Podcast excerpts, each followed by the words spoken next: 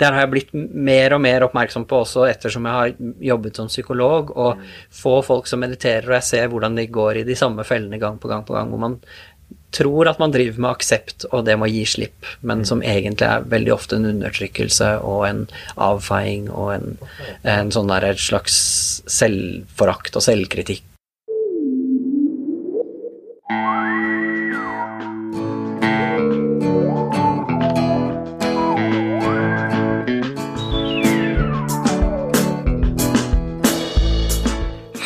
Velkommen til Kvartlivskrise. Jeg heter Marius Jones.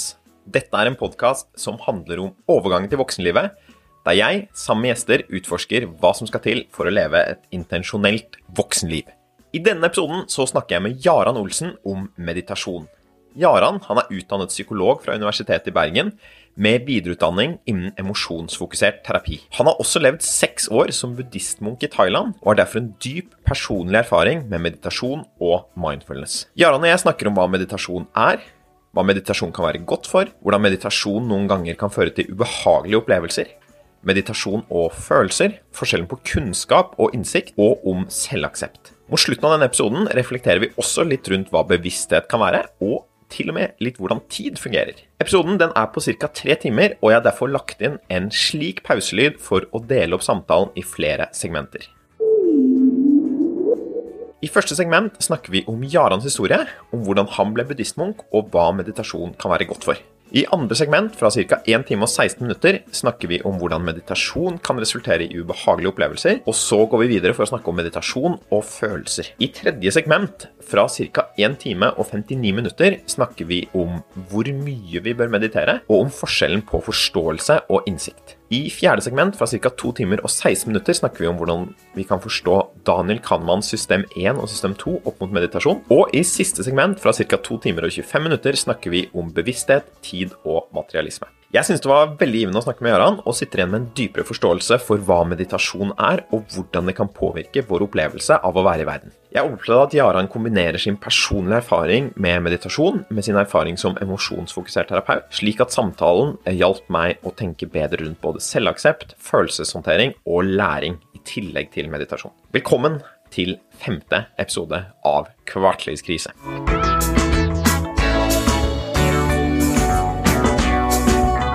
Denne episoden av Kvartlivskrise så skal vi utforske mindfulness eller eh, meditasjon. Jeg har med meg Jaran Olsen, så tusen takk for at du er med her. Og eh, det er flere grunner til at eh, jeg har lyst til å på en måte utforske akkurat dette her med deg. Det første er jo at, eller egentlig i lys av podkasten, så er jo på en måte mindfulness noe som jeg opplever at veldig mange liksom, i min situasjon eller i min omgangskrets er nysgjerrig på. Og så tar det jo litt tid hvis man skal begynne med det også.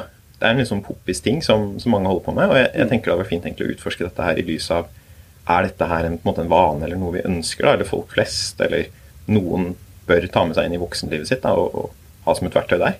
Mm. Så det er jo litt som bare et Burde vi holde på med mindfulness? Det tenker jeg er et av spørsmålene her. Ja, ja. Og så tenker jeg en annen spørsmål er litt dette her mer at Sånn som jeg har tenkt på mindfulness, så er det et litt sånn metaverktøy for å gjøre andre endringer i livet sitt også. Mm. At du kan på en måte tenke at mindfulness er jo litt sånn evnen din til å være mer til stede i livet. Og mm. derfor få med deg både på en måte hva som skjer i eget hode, men også eh, kanskje hvor bra du har det, på en måte kvaliteten på liksom, livet ditt litt fra øyeblikk til øyeblikk. Mm. Og gjennom måte, den tilstedeværelsen så får du kanskje en forutsetning for å drive det i riktig retning også. Så kanskje en sånn met metaferdighet da, for å på en måte eh, dytte livet ditt mer i de retningene som, som, man tenker setter pris på og ikke setter pris på. Ja. Ja. Og så tenker jeg Det tredje er jo litt den der, hva du har holdt på med. Du har jo gjort en ganske radikal ting for noen år siden. og, og vært munk i Thailand i seks år. Mm. Og denne podkasten skal jo på en måte ta for seg hvordan vi kan leve på en måte et voksenliv som er i tråd med våre egne verdier. Ja. Hvor vi på en måte finner ut selv hva vi vil. Og det å på en måte divergere så fast fra det som er mainstream, da, det har jo på en måte du gjort. Så det er sånn interessant også å høre liksom, mm. eh, din opplevelse også på, på både å være der, og eh, også egentlig for hvorfor du valgte å avslutte det og komme hjem igjen også på et tidspunkt. da. Ja. Vi kan begynne å, å, starte litt med akkurat det. Du levde seks år som buddhistmunk. Vil du si litt eh, hva som lå bak det valget, eller hvordan du fant ut at, at, det har du lyst til å gjøre? Jeg vet ikke om det var seks år commitment fra starten av, eller hvordan Det var det ikke. Um, så, så, helt til å begynne med, så uh, Det var jo en gradvis prosess å komme dit, at det var det jeg hadde lyst til. Ja. Um, uh, og det hadde jeg ikke planlagt, og det tror jeg ikke egentlig det var noen som så at det lå i kortene mine på et vis. For jeg tror ikke jeg var, jeg var nok ikke en sånn typisk munkefyr fra liksom når jeg vokste opp. Du ser jo ikke så veldig munk ut heller når jeg syns du det her, liksom. Uh, nei, nei. Så jeg tror det var, det var jo ganske overraskende ting for de fleste at det, at det var dit, dit, jeg endte, på et vis. Mm. Så, så, jeg tror jeg hadde en ganske sånn vanlig et vanlig, vanlig liv, uh, egentlig. det som sånn det det det innebærer å være gutt i Norge. I en vanlig by i Norge. Mm -hmm. Så jeg ble, ble, interessert i meditasjon eller i buddhisme eh, sånn når jeg var sånn 18 ca. Ja. Så, eh, så, kom jeg over en bok på biblioteket av Dalai Lama som jeg leste. Hvilken bok var det? Eh, 'Kunsten å være lykkelig' het, heter den. Okay, cool. mm. Så det er en, en sånn Eh, skrevet av en amerikansk psykiater, tror jeg. Så det er liksom hans samtaler med, eh, med Dalai Lama. Ja. Um, og, eh, og den, den, traff meg veldig. Jeg følte at han, han, snakket om ting som var veldig klokt, og samtidig som var sånne ting som jeg kunne se i livet. Da. Det var ikke sånne høytsvevende greier som hørtes hørtes imponerende ut, men som er liksom sånn ja, Det kan jeg ikke vitne om. Nei, um, det var liksom sånne greier som bare var, var ren og skjær, skjær, livsvisdom, på et vis. da. Ja. Uh, og som, som, jeg følte liksom sånn Wow, hvorfor er det ingen som har fortalt meg om de greiene her før? Um, for det, uh, det virke, virka liksom så, så viktig, uh, mm. men allikevel sånne ting som ikke ble snakka mye om. Eller Um, og, og det, var, det, var, ganske sånn her et grunnleggende ting også, på et vis. ikke sant? Som jeg, som jeg tror er, ikke, ikke, sånn at det var bare jeg som skjønte det, for noe, noe spesielt med meg, men bare fordi at ja, det er sånne ting som alle skjønner når det blir sagt. liksom, sånn her, ja, Hva er det vi er ute etter eh, i livet, f.eks. Mm som, er, som er en vanlig ting å tenke mye på når man er 18 og ikke vet hva man skal gjøre videre. Mm. Um, og er veldig sånn her ja, Skal jeg bli det, eller skal jeg bli det, eller skal jeg studere, eller skal jeg reise, eller hva, hva skal jeg gjøre? liksom. Og hente det tilbake til liksom, hva er det vi fundamentalt sett uh, virkelig vil. da, mm. Den der, den der eh, erkjennelsen av at, eh, at, det er en indre tilstand som, som, alle egentlig jakter etter. ikke sant? Så det er en sånn der indre tilfredshet, en følelse av at ja, det her, sånn som det er nå, det er greit. Mm. Um, og det var litt sånn her wow. Ja, det, ja. det, er jo ikke sånn som uh, Sånn som, som, som, som, det virker som folk går rundt med, liksom, som, med, så, som en sånn ledestjerne. da. Mm. Um, at, at han er der på en litt sånn uuttalt måte, kanskje. Men, um, men så, så, han satt fingeren på en god del sånne ting som, mm. uh, som for meg virket uh, ganske sånn unike, uh, men samtidig veldig selvfølgelige og viktige. da. Og, og, sånn er det kanskje store innsikter høres ut også? Når ja, de blir presentert, ja, At du får en litt sånn Ja, selvfølgelig er det sånn. Yes, ja, jeg tenker jo det egentlig er et tegn på at du har truffet spikeren på hodet selv, heller enn på en måte at det er noe som ikke måte en gang trenger å sies. da. Jeg tror ja, ofte vi ja. trenger å på en måte få påpekt de tingene også. Helt klart. Og tenker, det tror jeg jeg har opplevd flere ganger i løpet av de Nå er det 20, 20 år siden. Så, ja. så, så, har liksom de største innsiktene jeg har fått, de er veldig sånne ordinære, selvfølgelige. Um, men hvor det, hvor det, får et eller annet å, til å snu opp ned innvendig. da.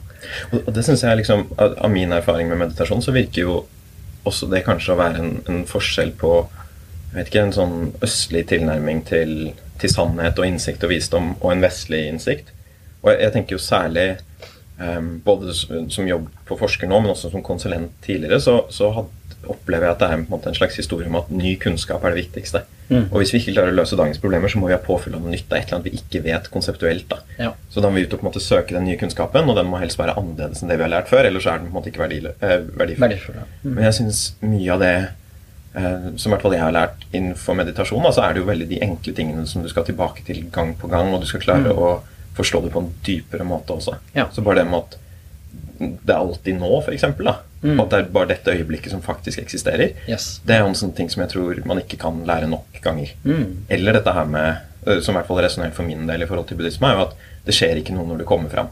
Mm. Ikke sant? Og det jeg tenker sånn, i hvert fall hvis i hvert fall den tanken jeg fikk da når du beskriver litt hvordan folk kanskje lever livet sitt i, mm. eh, i det moderne samfunnet, her, så virker det som at det er en tanke om at hvis bare hvis, på en måte, rundt mm. neste sving eller hvor det er, ja. så kommer det til å skje et eller annet. da. Mm. Og, og, og, det opplever jeg for egen del at det, det, skjer jo ikke i det hele tatt. Og, og, der tror jeg jeg har blitt veldig truffet av måte, litt av buddhismens tanker også. da, At den her mm. tilstanden om å være fornøyd akkurat her og nå, den er faktisk tilgjengelig. Litt uavhengig om yes. eh, hvor du står i forhold til prestasjoner, og hvor mye penger du har, og, mm. alt mulig sånn også. Og så virker det som at det må ha resonnert ganske kraftig med deg når du da gjorde et valg om å Ja, det, tok, det, var, ikke, det var ikke sånn at jeg leste den boka og så pakka jeg sekken og dro. Liksom? Ja. Eh, men, så det satte jo i gang en interesse som, som vokste ganske sånn jevnt og trutt. Og fordi at det var en sånn greie som det sto ikke på pensum, eller det var mm. Så fikk det lov til å utvikle seg ganske sånn naturlig i meg òg, da. Skjønner. Sånn at det var bare noe jeg leste fordi at jeg syntes det var verdifullt, og det var bare noe jeg begynte med fordi at jeg eh, jeg hadde en sånn naturlig interesse for det. Det vekka et eller annet. Så, eh, så det fikk Eh, som, som, de fleste ting som får lov til å vokse ganske sånn uforstyrra, da. Det blir, det blir bra. Mm. Så ble det det med det også. Så det var en sånn Jeg leste, leste alt jeg kunne komme over fra Dalai Lama, og når jeg var ferdig med det, så begynte jeg å lese om buddhisme, og så begynte jeg å meditere, og så ble, var det en sånn interesse som vokste gradvis mer og mer da, i løpet av de neste sånn to-tre årene. Um, så det var en litt sånn gateway-bok, egentlig, dette her? Altså, det var en altså, gateway-bok, ja. ut på, på skråplanet her, altså. Helt klart. og, og, når er det du tok steget ut og fant ut at uh, jeg har lyst til å bli munk? Det var nok en sånn et par år etterpå hvor jeg begynte å tenke på det sånn uh, som, en, som, en, mulighet. Mm. Um, og så hadde jeg, uh, hadde en kjæreste på den tiden, uh, så det er jo litt sånn inkompatibelt med det. Så, uh, som, som, også et forhold som, som, jeg var veldig glad i, og som jeg var veldig fornøyd i, og som jeg heller ikke kunne se for meg at jeg ikke skulle være i. da. Så, så, det var nok en sånn ting som Det var en nysgjerrighet der, og det var, det var, et ønske om det, og så var det samtidig noe som jeg tenkte at det, det kommer ikke til å skje. Mm. Um, og så gjorde hun det slutt um, på et tidspunkt, og da, uh, som var, var, ekstremt vondt, og som var veldig opprivende. Um, selv om jeg på den tidspunktet så ville jeg ikke helt verken ta inn over meg selv hvor vondt det var, eller å gi uttrykk til det for det for andre. Mm. men Så det gjorde også at det ble en åpning der, da, for at uh, ok, det her uh, nå, nå, kan jeg gjøre det. Så det var, det var, var en, sånn her, en, veldig rar periode i livet mitt som jeg, som jeg har minner av som var ekstremt vondt, men som det er også veldig mye sånne gode minner. da. Hvor, jeg, hvor det var en sånn mm, nå, nå, nå, Ok, nå får jeg lov til å blomstre i en annen retning enn det jeg hadde sett for meg, men som allikevel er veldig ja. um, Så det er mye håp og mye, mye inspirasjon i det, da. Ja, for det høres ut som at livet nesten ble et litt sånn blankt ark på et øyeblikk der. da, og at det var åpninger for at du kunne fylle det selv? Ja. Det var ikke så mye andre sånn, forpliktelser og sånt? Nei, ja, for på det tidspunktet så hadde jeg Da var jeg ferdig med videregående og visste ikke helt hva jeg skulle gjøre etter det, så jeg jobba i barnehage og eh, drev og vurderte om jeg skulle studere filosofi eller noe sånt på universitet, og så eh, spurte min far meg om hva, hva skal du bruke det til, og ja. det kunne jeg ikke bruke til noe, så da, da han sa du kan jo lese, lese, det uten å gå på universitetet. Det tror jeg egentlig var greit, for det um, Så jeg, så, jeg, så, det, så, var, så jeg, var i en litt sånn periode hvor det ikke var noen veldig tydelige greier at jeg skulle gjøre. da. Mm. Det som var veldig tydelig for meg, og det som jeg brukte mesteparten av tiden min på, var, å, var nettopp det her. da. Lese om det her og, um, og, prøve å få til det her meditasjonsgreiene. Um, prøve å bli verdens beste i det, for det var jo mitt, litt sånn min, min, min, inngang inn i det. da. Ok, For du står ikke på ehm, ambisjonene der heller? altså? Veldig kult. Nei, nei, sånn der, det er veldig sånn den personligheten som jeg var både Hva heter det? Cursed, åssen sier man det på norsk? Forbannet. Forbannet, ja. Så det er forbannet mer, med, og, men også det motsatte av det, som jeg heller ikke husker hva heter. Det er liksom Ja, blest, ikke sant? Velsignet, kanskje? Ja, ja, så, ja. så, både sånn der en velsignelse og en forbannelse på et vis, da. Ikke sant? Um, med, med, med det som ble det det ble.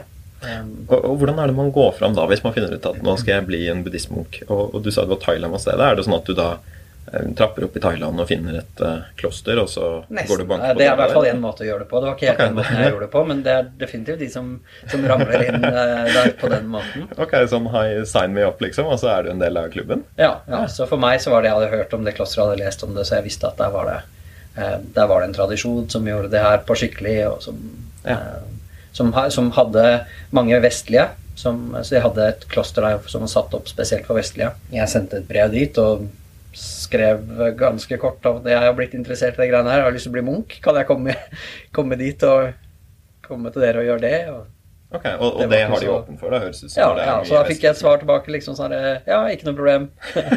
når, når sånn cirka tror du du kommer?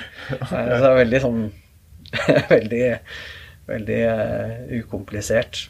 Verre er det ikke. Det høres ut som det er det virkelig lettere enn å søke på et universitet. Mye lettere. Mye, mye, sånn mye også. lettere. Lav terskel altså for å gjøre det. Ja, ja, det er. Kanskje noe lytterne kan ta med seg hvis de får lyst til dette. Det er, det er faktisk ikke så vanskelig det, er, det, er, det er en ting som er veldig enkelt med, med munkelivet. Det er å, å bli munk. Det er ganske enkelt.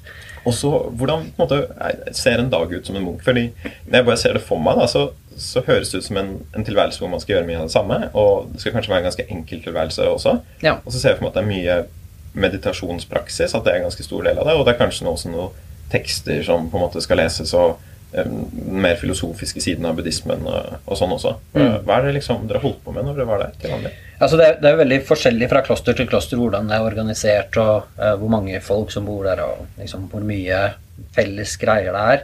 Men der hvor jeg uh, begynte, så var det, som jeg vil si er litt sånn eh, en sånn mellomting. Så eh, det kan være greit at jeg sier, for det er ikke, man vet ikke hvor, hvor, hvor, det ligger snittet, liksom. Ja. Så det her er ikke av de mest sånn strenge klostrene i form av liksom at det, man skal gjøre masse greier, med det og heller ikke av de mest frie klostrene. Da. Sånn at det er ganske sånn der, okay. eh, i mellomsjiktet der, vil jeg si. Altså Det fins liksom en meny av Ja, ja. klostre Ja, som man kan reise så det er ganske også. stor forskjell på hvor, eh, eh, hvordan, hvordan ting er organisert. Nei, en, min eneste sånn referanse til det er at jeg har hatt et sånt Vipassana retreat. En sånn Mm. ti dagers. Ja. Og, og det virket jo Eller det, jeg vet ikke hvordan det er i forhold til det, da når du sier at det er på en måte mellomsjikt der, men, men det var jo også bare da i ti dager, ikke sant? så det er ikke snakk om seks år. Mm. Nei, men det opplevde jeg som en ganske sånn streng tilværelse når det Ja. varte, da, med denne Ja. noble silence, at du ikke verken skal snakke, og du skal helst ikke ha øyekontakt, og du skal ikke forholde deg til tekst eller noe annet stimuli heller, da, for å på en måte fremme meditasjon. Men Ja. det var kanskje ikke sånn det så ut. Nei, så mye, mye slappere enn det, eh, på et vis. Så det er noen få klostre som er, eh, som er organisert sånn at det er nesten som å være på et kontinuerlig eh, sånn vipassana-retreat. Men de aller fleste er mye, eh, mye laksere enn det, da. Ja. Hvor det er eh, eh, ja, hvor det hvor det er mer eh, aktiviteter man kan gjøre, og mer frihet til å finne ut hvordan er det det her funker for meg. Og, og det tror jeg, det tror jeg er klokt, for jeg tror ikke det er så mange som Ti dager er nok for de fleste. Det var definitivt nok for, for min del da jeg kom ut derfra. altså da. Ja. Det Og munker sånn- er, munker er bare mennesker, de òg. Sånn at det er sånn Ja, det, er ikke, det, er ikke, det er ikke en spesiell rase på et vis som er bedre. Eh, mer, eh, mer på en måte tilrettelagt for, uh, for mer enn ti dager med, med sånne retreats, da. Mm. Så der hvor jeg var, så var det en vanlig dag. Vil, sånn der, eh, det er en, eh, noen som ringer en sånn bjelle i klosteret sånn i eh, tretida om morgenen. Eh, og så møtes vi for første, første meditasjonssamling liksom sånn i halv fire-tida. Ja, og dette er om morgenen. Ok, Så det er egentlig om, om natta, på en måte? dette her, Eller du står opp ganske Ja, tidlig, litt etter ja. hvordan man Så- ser det? Så, ja. Ja. Så det er eh, Ja, så er natta fortsatt. Så, så, så der er jo eh, Når det blir lyst, det er mye mer eh, jevnt gjennom hele året, så der er det sånn cirka i sånn seks-sju-tida. Ja. Eh, Så blir det lyst, så det er jo definitivt å stå opp midt på natta og, eh, eh, og møtes for å meditere. Så da sitter man sammen en sånn halvannen time Ja. og gjør meditasjon og litt grann sånn chanting, som man kaller det, som er liksom en sånn resitasjon av, eh, av noen sånne tekster. Mm. Som også er en ganske sånn meditativ eh, det, er ikke, det er ikke så veldig sånn Det føles mye mer ut som meditasjon enn et eller annet akademisk studie eller Ja. For det er jo noen meditasjonsretninger, sånn som transcendal meditasjon f.eks. Den TM, der virker det som at du får et mantra, så skal du resitere det mantraet. Ja. Ikke for mantras del, på en måte, men fordi at det er den øh, beste måten da, ifølge den retningen å fremme konsentrasjon. ja. Så er det den samme tanken der også, at det er egentlig Litt på samme måte, men altså det er noen, eh, det er sånn, spesielt etter man er der en stund, så lærer man seg en del hva de her tekstene betyr. Så det er jo Ja. i, I en del buddhistiske tradisjoner så har man sånne mantraresitasjoner hvor det er sånne lange mantraer.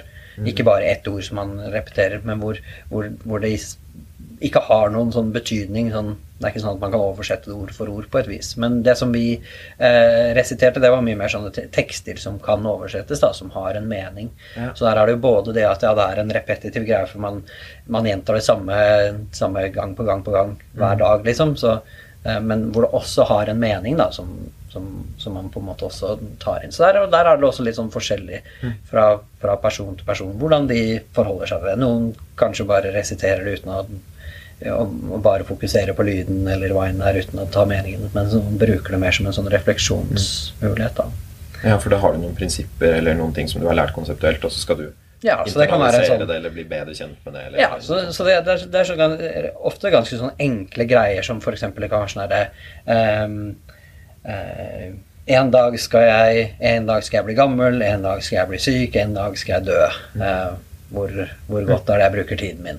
For eksempel. det er en sånn, en sånn liten tekst, for eksempel, som Ok, Og da har du en for formiddag liksom med å, å sitte og resitere den? Eller? Nei, altså det der bruker vi kanskje sånn eh, 20 minutter, en halvtime på stort sett om Ja, morgenen. da. Okay. Litt sånn forskjellige sånne, sånne greier, og så mediterer vi en time, og så er det litt sånn tid hvor vi eh, gjør noen sånne enkle, enkle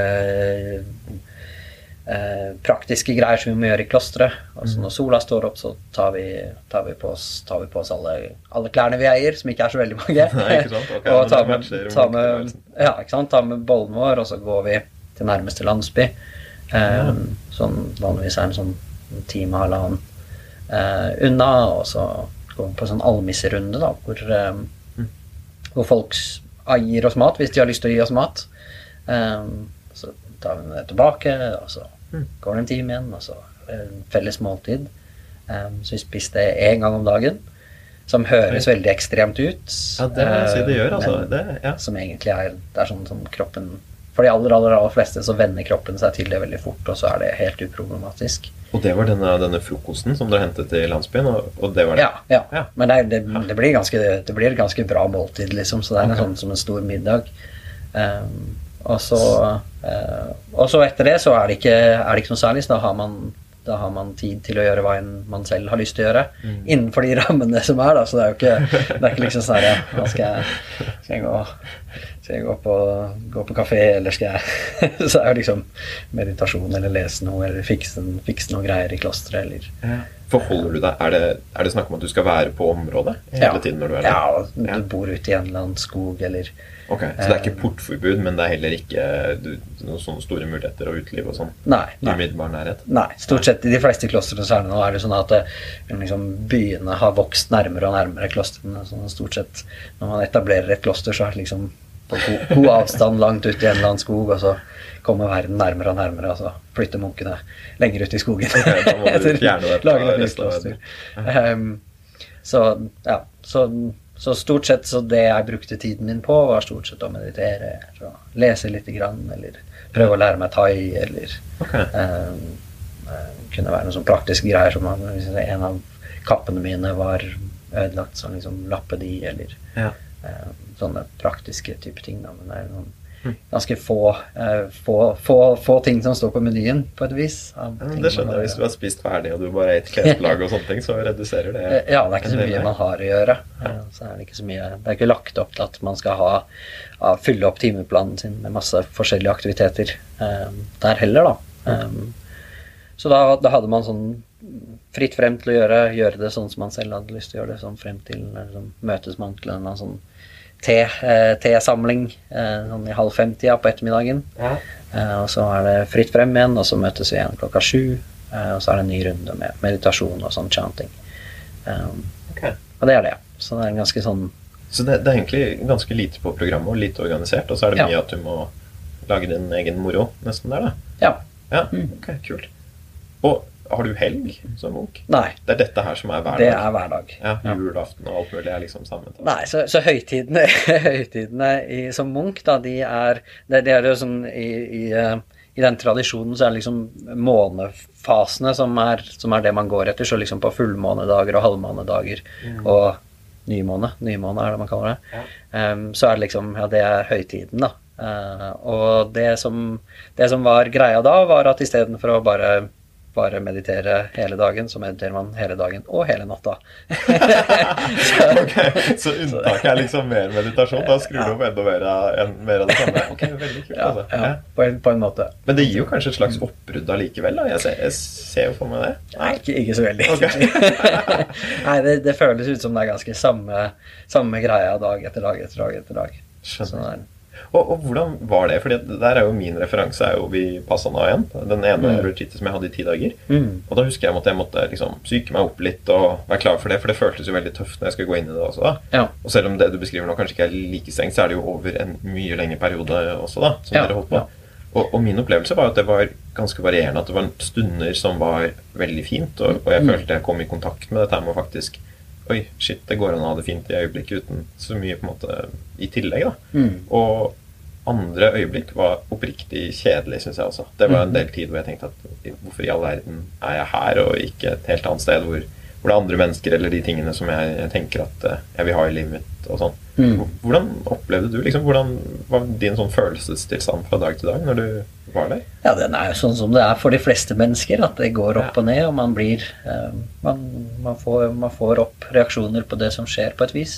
Så blir det en annen måte å, å forholde seg til det på når det, er, når det er et liv man skal leve, når det er liksom, nå er det en spesiell greie jeg skal gjøre i ti dager. Ja. Eh, ikke sant? Så det blir litt på samme måte som hvis man skal løpe en 100 meter, så forbereder man seg på en måte. Hvis man skal løpe et ultramaraton, så gjør man det på en annen måte. Og hvis man skal løpe et ultramaraton hver eneste dag i det neste året, så blir det igjen en annen måte å, eh, å gjøre det på, ikke sant. Sånn at det, em, det blir jo en man må i mye større, større grad gjøre det til et liv, ikke sant? Så noe som er, eh, noe som er bærekraftig, ikke bare over liksom, den perioden hvor man klarer å ta seg sammen, eh, men, eh, men utover det også.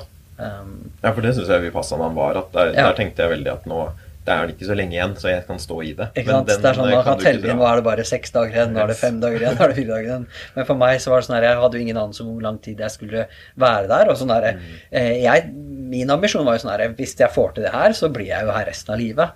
Ja. Um? Med verdensmester i meditasjon og Ja, det som- så lenge jeg blir verden, hvis jeg blir verdensmester i meditasjon, da, så blir jeg resten av livet på et vis. ikke sant? Så det er ikke noe sånn her å telle ned til.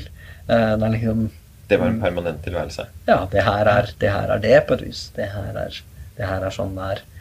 Og, og, Um, og traff det på det du ville eh, Var det sånn du ville at det skulle være? Var det sånn at du følte at når du kom til dette er faktisk det jeg skal bruke det på, og dette føles riktig, og dette gir meg de tingene som, som du tenkte at det skulle gi deg? Eh, På en måte eh, så vil jeg si ja, og på en annen måte så vil jeg si nei.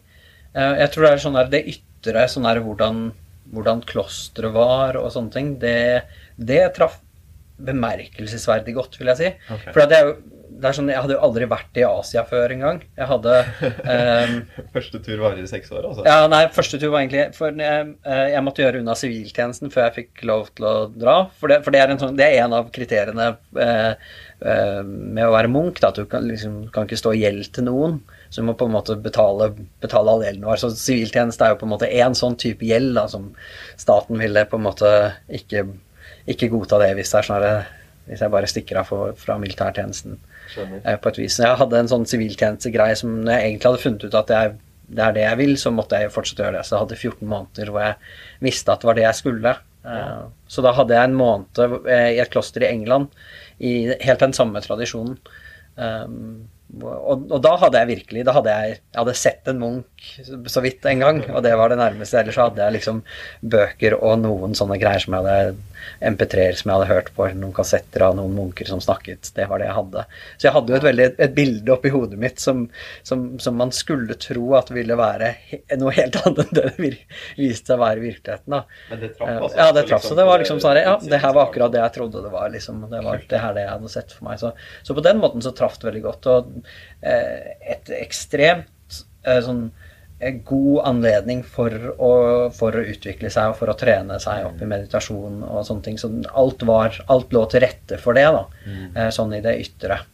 I mye større grad enn det jeg, eh, enn det jeg trengte, egentlig. Så det er sånn herre men så inni meg så var det jo eh, veldig annerledes enn det jeg hadde trodd. da. Eh? For jeg så jo for meg at ok, det her burde jeg kunne få til. liksom, At eh, jeg skal liksom, lagde tidsplaner for meg selv at innen så lang tid så skal jeg ha kommet dit, og så skal jeg komme dit. Og, som, er, eh, som ikke er en anbefalt eh, måte å forholde seg til meditasjon på, og det visste jeg på et vis, men det er jo rart med det. Man klarer å på en måte lure seg selv til å tro at jeg Men jeg, jeg gjør det jo på en bra måte allikevel. Ja. Um, Og vi må komme inn på det med progresjon i meditasjon, for det er jo et litt sånn paradoks der også.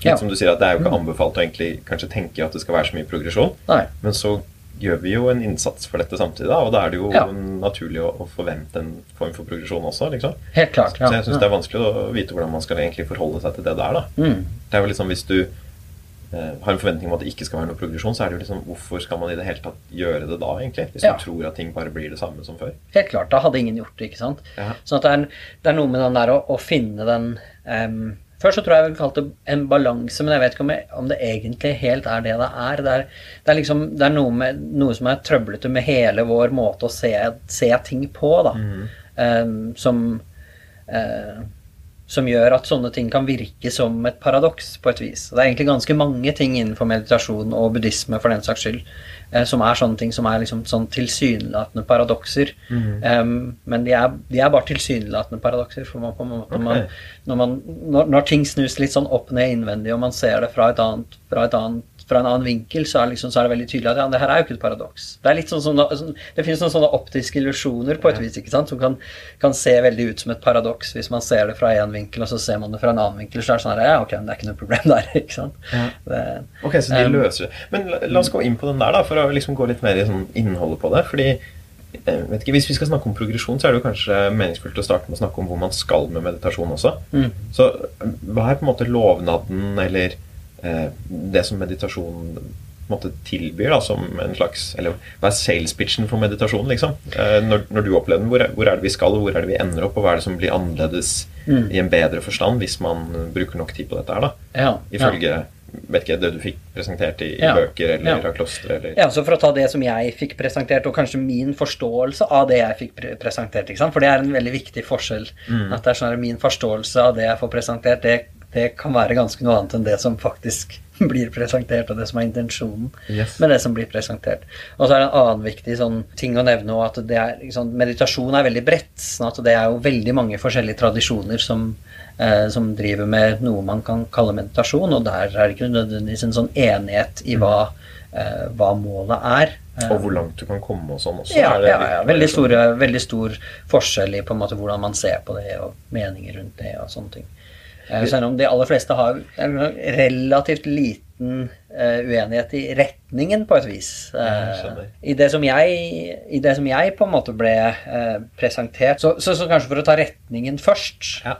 så er det mindre utilfredshet og mer tilfredshet ja. er på en måte målet. Eh, så liksom det, det, var det som jeg fikk ut av den første boka jeg leste av Dalai Lama. Å liksom virkelig få etablert hva målet for meg som menneske er. da. Ja. Som uten Uavhengig av liksom hva buddhismen mener er mål, eller hva mamma og pappa mente er mål, eller, men bare sånn herre Hva som bare er sånn derre det, det, helt selvfølgelig iboende målet i meg. Ja.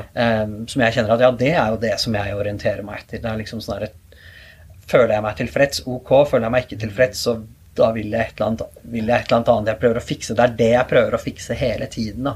Den her utilfredshetsfølelsen inni meg. Ja. Og alt det jeg gjør, er på et eller annet vis Hvis systemet mitt tror at det vil gjøre meg mer tilfreds, så går jeg for det. Hvis jeg det tror at det gjør meg mer utilfreds, så prøver jeg å unngå det på et vis. ikke sant? Um, så det er utgangspunktet for meditasjon. Liksom den anerkjennelsen at ja, det der er det vi er ute etter. Vi er ute etter en sånn følelse av tilfredshet, en følelse av at sånn som det er her og nå, det er bra. Det er ok. Det her er tommel opp. Okay, så, um, og, og, det er på en måte eh, målet som vi skal da innse at egentlig alle streber etter, da? Også? Alle mennesker? jeg vil, jeg vil, heller si det sånn at det er ikke så farlig hva andre mennesker Det kan vi ikke, det er ikke vår, det er ikke vår business, på et vis. ikke sant? Mm. Det får de ta ansvar for. Det er liksom Se inni deg selv og kjenn etter liksom, ja, hva er det som er for meg. da, mm. For det, for det er litt sånn der, det er uinteressant om alle andre synes at uh, Peppers Pizza er bedre enn Grandiosa på et vis. Hvis det er sånn Ja, jeg liker Grandiosa best. ikke sant? Så det er det som, det som betyr noe. Uh, så, så, så, det er liksom sånn der, Kikk innover og liksom sånn hva er det hva er det som er, hva er, det som er ditt mål, eller hva er, det, hva, er det som, hva er det som er avgjørende for deg om, om du vil gå den retningen eller den retningen. Og det ble veldig veldig tydelig for meg at det er sånn her, ja, det er den derre Føler jeg meg tilfreds inni meg? Eller ikke. Det ble en helt sånn udiskutabel at ja, det, er, det, er, uten tvil det som er det viktigste. Mm. Um, så der er jo, når du spør om lovnaden uh, til liksom buddhismen, så er det at ok, her er det en, er det en måte å på en måte systematisk uh, trene seg selv på, vil jeg kanskje si at jeg ville kalt det, da. Um, liksom, her er det en, eller annen måte som du kan manipulere ditt eget sinn på, sånn at du vil kunne komme til en sånn tilstand hvor det alltid er sånn. Mm. Hvor, liksom, hvor, du kan kvitte deg helt med, med en sånn indre utilfredshet og oppleve, oppleve kun, kun, tilfredshet, da, på et vis. Ja. Og, og dette er sånn, for da, da høres det nesten ut som det er en, en avansert form for emosjonsregulering også, da. Som kanskje er spennende også, at du på en måte har noen følelser som oppleves negative, eller en tilstand eller et humør som er eh, ja, ikke så positivt som det kunne ha vært. Og så trener du på en måte som gjør at du skrur dette her i en mer positiv retning. da. Det er i hvert fall en veldig naturlig måte å forstå det på. Mm. og jeg tror nok det var nok definitivt den måten jeg forsto det på. Så er kanskje, kanskje enda Kanskje i en enda Jeg tror kanskje i en enda mer jeg vet ikke om jeg vil si ekstrem eller grunnleggende måte om det. At det er sånn at det ikke, ikke blir sånn at at jeg, blir nødt til å regulere følelsene. bare sånn at jeg, at jeg på et eller annet vis bare eliminerer helt all grobunn for de vonde følelsene og ja. å oppstå. Så det er ikke sånn at jeg må holde kontroll på sinnet mitt eller holde kontroll på tristheten min. Men det er bare sånn at jeg, ja, det er bare ikke noe sted for det å gro inni meg. Ok, Så de, eh, hvis du er i, måte, i mål, da, eh, så, så vil det ikke dukke opp i det hele tatt? Ja. Mm -hmm. det, var, det, var, det, var, det, var, min forståelse da, på et vis. Okay. Uh, og så er, så er, det kanskje ikke helt sånn jeg ser det nå. Mm. Um, men kanskje ikke helt forskjellig heller. Men dit kommer vi sikkert uh, etter hvert. Ja. Um, en, en, sånn annen parallell da, som jeg tenkte på for at bare Forrige episode som jeg spilte inn, da snakket jeg med en filosof, Ole Martin Moen, om hedonisme. Mm. Som er da en idé om at det som er verdifullt i verden, er nytelse, og det som er negativt eller ondt, det er da lidelse. Mm. Eller utilfredshet, da, som jeg tror også er en, et synonym på det der også. Mm. Og det høres jo ut som egentlig noe som ligner litt også. Jeg tror det er noen paralleller å dra der til buddhisme. Det kommer veldig an på hvordan man definerer de ordene, syns jeg det høres ut som. Så, så jeg er helt enig hvis man, hvis man virkelig tar, drar det til sin ytterste konsekvens på et vis. ikke sant? Ja, det, som, det som er godt for deg, på et vis det, det, vil være avgjørende for er det her positivt eller ikke. Skal jeg kjøre på eller ikke? Mm. Og Der blir det en hel masse sånne spørsmål rundt liksom, sånn, ja, hva er det som teller mest. Er liksom hva som er godt for meg på kort sikt, eller hva som er godt for meg på lang sikt? Mm. For ting er jo ikke så enkelt. ikke sant? Vi kan isolere hendelser eller ønsker eller hva, det, hva enn det er, og liksom se på det på et veldig sånn snevert perspektiv. Mm. Men sånn der, i et levd liv så er ting så utrolig komplekst. ikke sant? Mm. Det er liksom sånn der, det er ikke noe tvil om at det hadde føltes skikkelig digg for meg å sette et skudd heroin nå, mm. vil jeg tro, da. Mm. jeg har ikke prøvd, men, men, men jeg, jeg, ser for meg at det hadde, det hadde, tatt meg til en tilstand hvor, som føltes veldig god. Mm. ikke sant? Så da liksom, ja, hvis, hvis, hvis, vi ser på det fra et sånt korttidsperspektiv, så, okay, så, mm. så, skulle man tro at ja, både buddhister og hedonister på et vis skulle liksom Ja, ok, det, det er, på, liksom. Da, er liksom, da er det ikke noe utilfredshet der. sånn at det høres ut som ja, det er nirvana. Det er mm. liksom hedonist til himmelen, da. Men så kan det hende at ja, hvis vi ser på det litt større, så så kan det hende at det ikke bare fører til det på et vis. ikke sant? Nei, og der um, tror Jeg også at jeg tror hedonisme ofte eh, fremstår som en kortsiktig måte å møte livet på. Ja. Men hvis man tenker at man bryr seg like mye om morgendagen som dagen om ti år, mm. også da, og at alle dager teller like mye, ja. så forsvinner jo på en måte det, eh, tendensen mot å gå mot heroin. Ja. ikke sant? For da vil du, og da vil du kanskje oppføre deg mer som en buddhist, da, hvis, hvis du tror at det, på en måte, buddhisme faktisk holder på en måte, kanskje løftene sine, da, eller det de eh, sier der. Ja, så det kan godt hende. Jeg kan ikke så mye om hedonisme, men så, men så hvis jeg forstår det riktig da, så kan det godt hende at det, liksom, det hedonistiske kan i noen tilfeller være å avstå fra, eh, fra yes. ting som gir nytelse, og ting som gjør deg glad, og eh, ting som kan tilsynelatende virke som at det, eh, det, her er det Definitivt. Og jeg tror ja. der hvor det kommer nærmest, eller hvor overlappen kanskje er størst, da var litt det du sa innledningsvis, at det vi egentlig vil ha, er en indre tilstand. Ja. Altså alle ytre ting er mm egentlig bare midler for å oppnå mm. den indre tilstanden. Yes. Og hedonisme sier jo at det er på en måte kvaliteten på den indre tilstanden som teller. da. Ja. Så den beste verden, hvis du, hvis du, er en hedonist, vil jo være der hvor alle levende vesener har en så god indre tilstand som mulig. Ja. Altså så lite eh, utilfredsstillelse som mulig, da, egentlig. Ja. Og så er det jo også spørsmål Uavhengig av det ytre. Helt så, så det beste vil være at man ikke trenger noen av de ytre, ytre stimuliene for å få den indre tilstanden. Ja, særlig hvis det krever noe å produsere de ytre tingene. En, og det gjør det stort sett.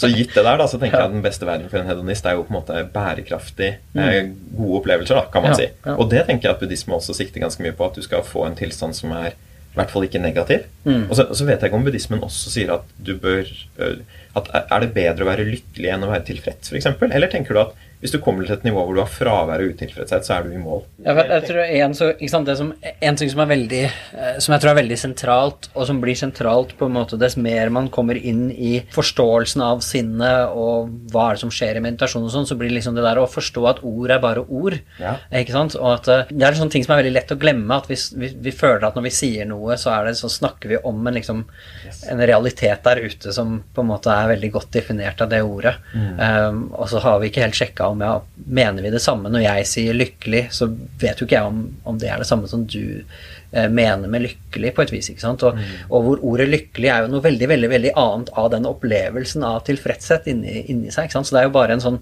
det er bare merkelapp som vi mm. bruker for å referere til en eller annen en eller annen opplevelse som vi har, eh, som i seg selv er veldig veldig vanskelig å liksom bokse inn eller definere. ikke sant? Som er veldig mye rikere enn det ordet. Veldig Absolutt. mye rikere enn det ordet. Ja. Så, så, det tror jeg er en sånn, en sånn, greie som vi bare må ha der i bakgrunnen hele tiden. At, at, det er veldig lett å snakke forbi hverandre, og at det er veldig lett å på en måte At ord kan bli en sånn Ja, ja, men der sa du det, så da må det også bety det, fordi at det og det og det. ikke sant? Som om ord er en sånn derre ufeilbarlige kategorier, da, som, som på en måte er meningsbærende, og som bærer med seg hele meningen av det av den opplevelsen som det refererer til. Ja. Så, så, for å komme tilbake til spørsmålet ditt, der var det liksom um, Vil buddhismen sette lykke høyere enn fraværet av utilfredshet, eller noe? Ja, for jeg tenker jo at målet i buddhisme har blitt jeg har hørt det beskrevet som nirvana. Og meditasjon har et slags mål, at det har en slags endestasjon som du kan oppnå. Mm -hmm. Og som kanskje da Buddha oppnå i sin tid, og, og som man kanskje andre også, eller kanskje mange andre, har oppnådd i etterkant av han. Hvordan er det i den endestasjonen? Og ikke sant, Vi sier at det handler om egentlig en indre tilstand mer enn at det er noe annet der. Mm. Og så blir spørsmålet mitt da, er det da en, en fravær av utilfredshet? Sånn at måte, livet er litt sånn nøytralt? Liksom, at du syns dette er ok? Eller er det på en måte mer sånn bliss? At her er det fantastisk øyeblikk til øyeblikk? liksom? Ja. Hvor, eh, det blir en sånn ting som blir veldig veldig vanskelig å snakke om. Mm. fordi at sant, Der igjen så er det sånn Ja, det er ordet vi refererer til. ikke sant? Det Er sånn her, er det nøytralt? Er det bliss? ikke sant? Og det er sånn her, ja, Hva vet jeg om at når jeg sier nøytralt, så er det det samme som du mener med nøytralt? ikke sant? Mm. Uh, og, um, så, så, det kommer hele tiden veldig an på hva man legger i det. Og der blir det dess nærmere man kommer de her tingene som, som som, som, vi ikke stort sett har en sånn felles opplevelse av. Noen ting har alle. Det er sånn herre uh, Ok, du vet den følelsen når du får et skikkelig spark i balla. Ikke sant? Ikke sant? Det er sånn herre oh, Ja, den. ikke sant? Det er sånn herre Du har en indre, en indre opplevelse, et minne om den indre opplevelsen som du kan referere til, og så er det sånn her, og så kan vi være ganske sikre på at det er sånn herre Ja, vi snakker om samme greie, ikke sant? Jenter vil være mye mer sånn herre Nei, det vet jeg ikke hvordan det føles, men det ser jævlig ut. ikke sant? Sånn at der blir det med en gang Ja, man, vi trenger på en måte den derre felles felles opplevelsen som vi kan referere til, mm. for å ha en sånn noenlunde eh, sikkerhet om at vi, at vi, snakker om den samme greia. ikke sant? Og der blir det sånn der, Med en nøytral følelse så er det sånn derre ja, Hvor er den, på et vis? ikke sant? Mm. For der vil det jo være veldig stor forskjell på en sånn eh, på, én persons nøytrale følelse som kan ligge der at ja, ok, det er den følelsen jeg har når jeg spiser noe som, som ikke er kjempegodt og ikke kjempevondt, mm. på et vis. Og så kan det for noen være en litt sånn nøytral følelse av at um, ja, ok, det skjedde, jeg var med i den ulykken, og så gikk jeg inn i en sånn sjokk, så jeg bare kjente jeg kjente ingenting, jeg klarte ikke å ta inn over meg noe som mm. helst på et vis. Mm. ikke sant? Som også kanskje kan kalles en nøytral følelse, men som vil være veldig veldig, veldig annerledes enn den følelsen av å spise noe som er sånn passelig ok. Ja. Ikke sant?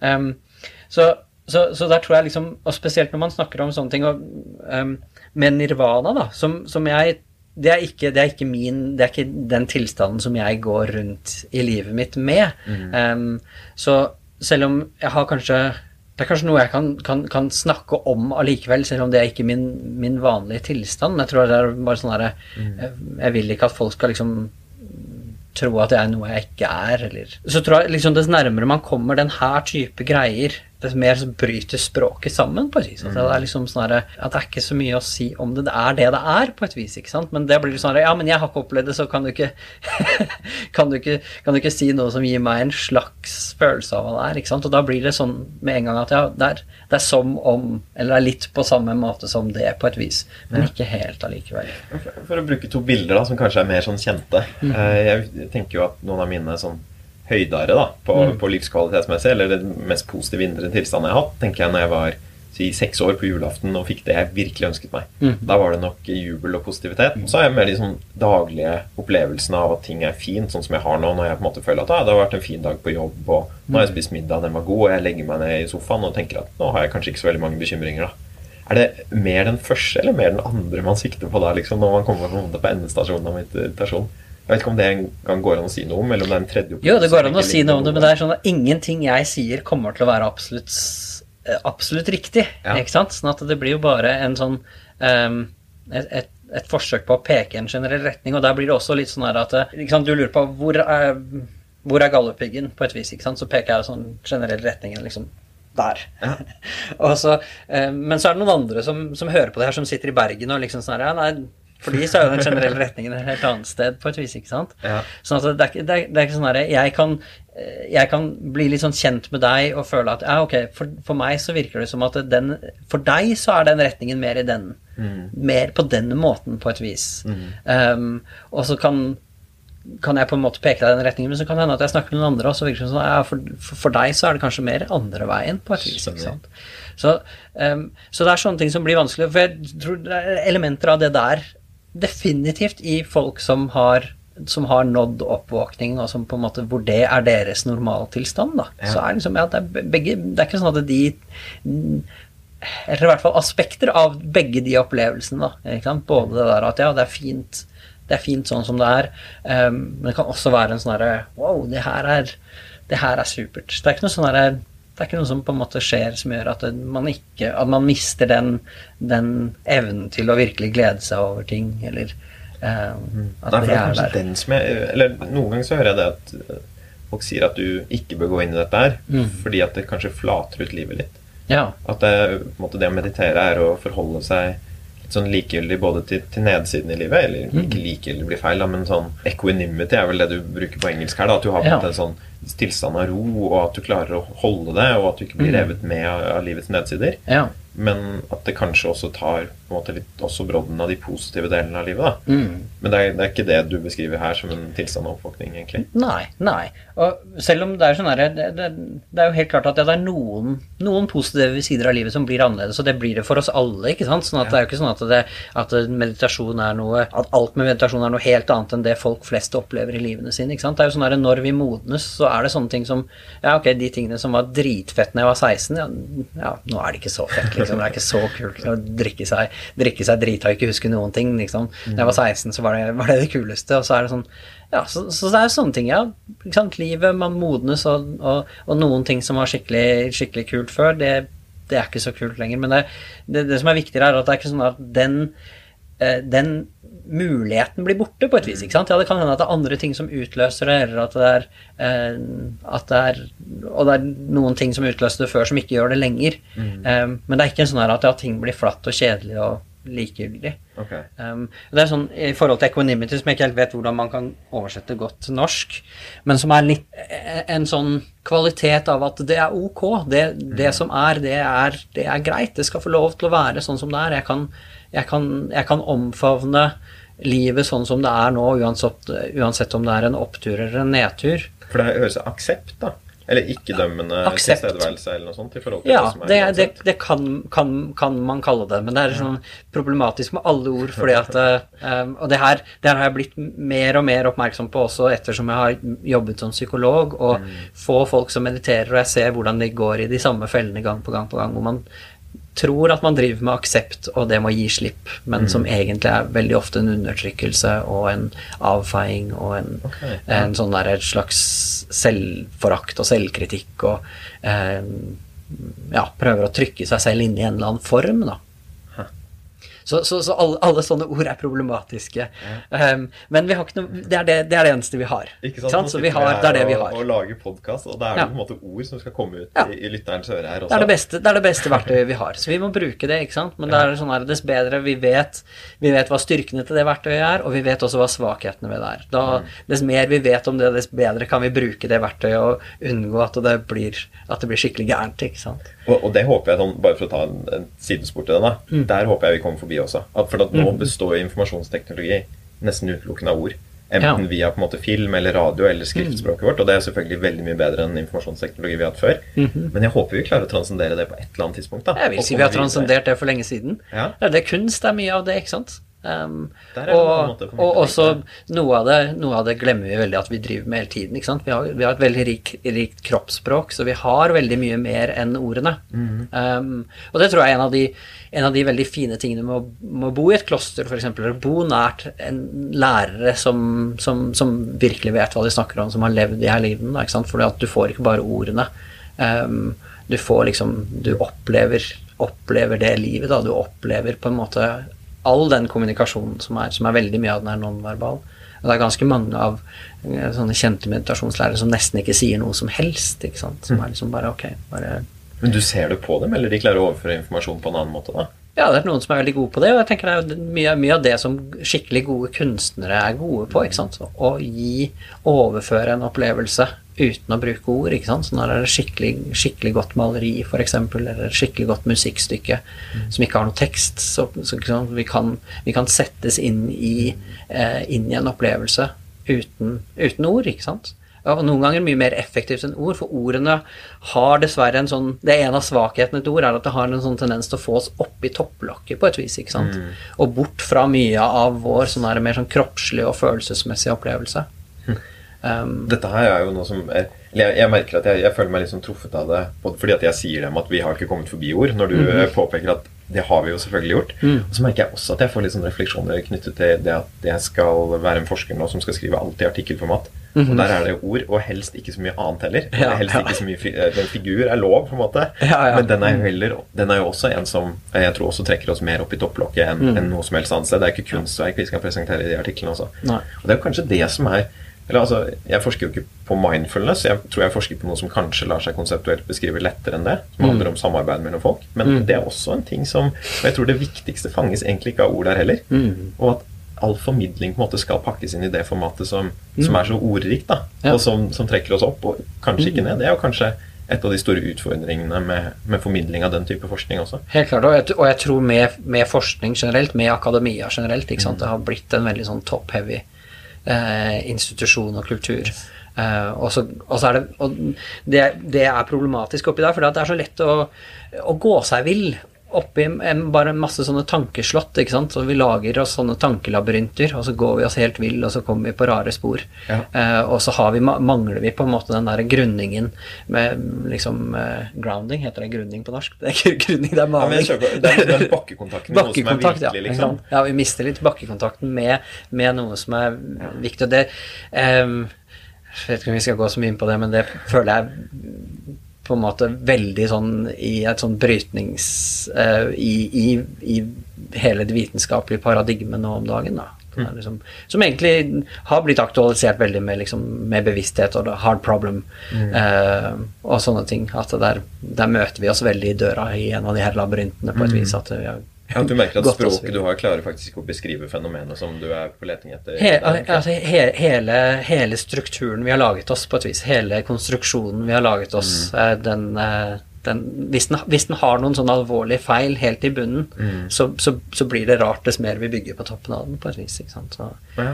um, det kan hende vi må innom dette her. Det kan hende, sånn, men det er veldig sentralt ja. i forhold til buddhisme og meditasjon og sånne ting, så det kan godt hende vi kommer, um, ja. kommer dit. Som skal dit. Ja, for jeg tror det, for dette går jo litt inn på liksom hvilke Om du ser annerledes på verden etter dette her også. Mm. Men jeg tenker jo litt, for Vi var jo litt på dette her med hvor vi skal, og det er en tanke om at eh, opplysthet er noe som er oppnåelig for mennesker, mm. og at det kan være en tilstand som er vanskelig å beskrive med ord, men at ikke er utilfreds, kan kanskje være et sånt sted å starte. Så det handler jo litt om kvaliteten på den indre opplevelsen. Og så er det en del andre ting som også blir sagt å følge med da, hvis du kommer til denne her tilstandsmennestasjonen på, på meditasjon. Blant annet så er dette her med at tomhet, eller emptiness, er et konsept. Mm. Du ser at ingenting har iboende egenskaper. Mm. Og så at allting er kontinuerlig endring, har jeg også hørt er noe som liksom skal komme der. Og også ikke selv også. Mm. At du ikke opplever at du er et subjekt som er avskjært fra resten av verden. Mm. Vil, vil, du beskrive liksom litt mer om på en måte, den fenomenologien av å jeg vet ikke, være nærmere opplysthet. Jeg vet ikke om, om, det er noe som du opplever selv, eller om du på en måte har, har mulighet til å beskrive basert på andres erfaring også. Jeg tror jeg kan jeg, jeg tror jeg foretrekker hovedsakelig å snakke ut ifra min egen erfaring, for det Kult. Det er egentlig det beste. Ja, for, for, for den den kan jeg stole på Eller jeg kan ikke stole på den på den måten, men jeg, men jeg, men jeg, men jeg kan snakke fra førstehåndsinformasjon eh, på et vis, ikke sant. Ja. Jeg, tror jeg har fått jeg tror jeg har fått i hvert fall en, en, en, mye bedre jeg vet ikke om jeg vil si forståelse, men opplevelse kanskje av hva det vil si, da. Mhm. Hva oppvåkning vil si. Jeg liker å kalle det oppvåkning mer enn opplysthet eller opplysning. For meg så er det en mye mer beskrivende, et mye mhm. mer beskrivende ord, opplyst. Eh, men det kan, ha, det kan, ha, noe med min, eh, min greie også. Um, og der tror jeg liksom, Sånn som jeg var inne på, så var jeg veldig sånn, der, veldig sånn konkurranse, prestasjonsgreie. Jeg skal oppnå, jeg skal bli noe veldig spesielt, på et vis. ikke sant? Ja. Det var liksom min greie, sånn, som, som, som, nok har vært litt sånn min mitt min sårbarhet også. Da. En sånn der, litt sånn vanskelig med å akseptere meg selv for den jeg er, liksom med alle feilene og manglene, og mm. en sånn følelse av at jeg må bli the next thing, på et vis. ikke sant? Jeg må bli liksom Jaran 2.0. Mm. Eh, da, da, skal, da, er, da, blir det, da kan det bli bra, ikke sant? En sånn der, uten, at jeg, uten at jeg egentlig noen gang har Uh, uh, formulert det for meg selv. Har, jeg har alltid tenkt på meg selv som en, som en person med, med, med, ganske god selvtillit og god selvfølelse og sånne ting. Men som jeg kan se mer nå sånn i etterkant, at ja, det har vært en sånn problematisk greie som har vært der. At det har vært sånn antakelse om at Jaran 1.0 er ikke bra nok. Ikke sant? Sånn at jeg må, eh, jeg må gjennom en eller annen sånn renselsesprosess eller en eller annen sånn forbedringsprosess eller en treningsregime på et vis for at, for at oppvåkning Eh, skal, skal kunne være mulig for meg, da. Det, den kjenner jeg meg veldig igjen i også, akkurat den der også. da, Og mye ja. av det som jeg kaller å være på en måte utviklingsorientert for egen del. Mm. Jeg liker å lære og liker å på en måte bli en bedre versjon av meg sjæl og sånn. Ja, ja. handler jo, tror jeg, også litt i bunnen der om litt mangel på selvaksept også. Mm. At jeg tenker at mm. hvis, hvis jeg er annerledes, så det er jo liksom at rundt neste sving sant, så er det ikke en Ferrari, men det er på en måte en bedre versjon av meg selv. Mm -hmm. og, og, jeg tror jo ofte at meditasjon også fremstilles sånn, i hvert fall ja. når det læres om i Vesten. Som, det er en productivity hack nesten også. på en måte, yes. At her kan du bli mer konsentrert og mm. Eh, vet ikke, mindre revet med, sier noen av følelsene dine også. Det er jo også et salgspunkt som, mm. som av og til kommer sammen med meditasjon, mm. som gjør at du kan prestere mer i verden, egentlig. da. Mm. Så, så, det er jo kanskje noe som, som ligger der som ja, ja, he he helt klart. Jeg, jeg, tror det er derfor jeg ikke liker det ordet opplysning så mye. For yes. det får det til å høres ut som at målet er liksom noe veldig annet enn det du er. på et vis, At du skal bli en eller annen engel eller Og vite alt, høres det litt ut Ja, ja, ikke sant? At du skal vite alt, og du skal være ufeilbarlig nesten. ikke sant? Mm. Uh, og, så, det, så, det, gjør målet til et eller annet sånn veldig eksotisk og veldig annerledes, veldig fjernt fra liksom, min dagligdagse, ordinære uh, tilværelse. Det føles ut som det, det, er ingenting av det som allerede er her. Det er noe helt annet, det er noe helt nytt. Det, er noe, det, er noe, som kommer til å uh, blow my mind, da, på et vis. Du tenker da at den tilstanden av å være oppvåken egentlig ikke er så veldig forskjellig fra det vi går rundt og opplever til vanlig? Det man våkner opp til, på et vis, eller det mm. målet Eh, det er der allerede. Sånn at, og, eh, og, og, det, er, det er sånn helt sånn buddhisme 101 eh, på vis. Og, og veldig i hvert fall tilsynelatende paradoks, da. Også. Ja, ja, at du er allerede ja. i mål, egentlig. Sånn ja, ja. ja. At, at, du er allerede i mål, eller i hvert fall målet er allerede der. Eh, et, eller annet, et, eller annet, sted i det som er, ikke sant. Um, det hadde vært et veldig rart en veldig rar greie hvis det er liksom sånn et eller annet som, som, som, ikke har vært der, og som ikke har vært der i hele universets eksistens på et vis, og så gjør du et eller annet rart med din lille kropp, og så plutselig så bare så poff, så, så, liksom eh, åpenbarer det seg en eller annen sånn tilstand eller eh, en eller annen paradis eller et eller annet sånt som, som på en måte ikke var der før. Eh, da plutselig så skjer en sånn den, den, den, den gode skapelsen. Ja, ikke sant. sånn, en, en, en rar greie. Men vil, du, vil, du, si litt om hva, hva, din opplevelse består av? Hvis du skal på en måte snakke litt om For jeg, jeg, vet ikke om du beskriver deg selv som oppvåken nå, eller eh, kanskje du gjør det, men hvis du gjør det, hvordan, hvordan, er det det er annerledes enn hvordan det var før? Eller hva er det med på en måte den opplevelsen som vi alle har, da, som, som er oppvåkenhet? Jeg, jeg beskriver meg ikke som en som en som er, går og er våken, i hvert fall. Mm. Kanskje for å si det på den måten.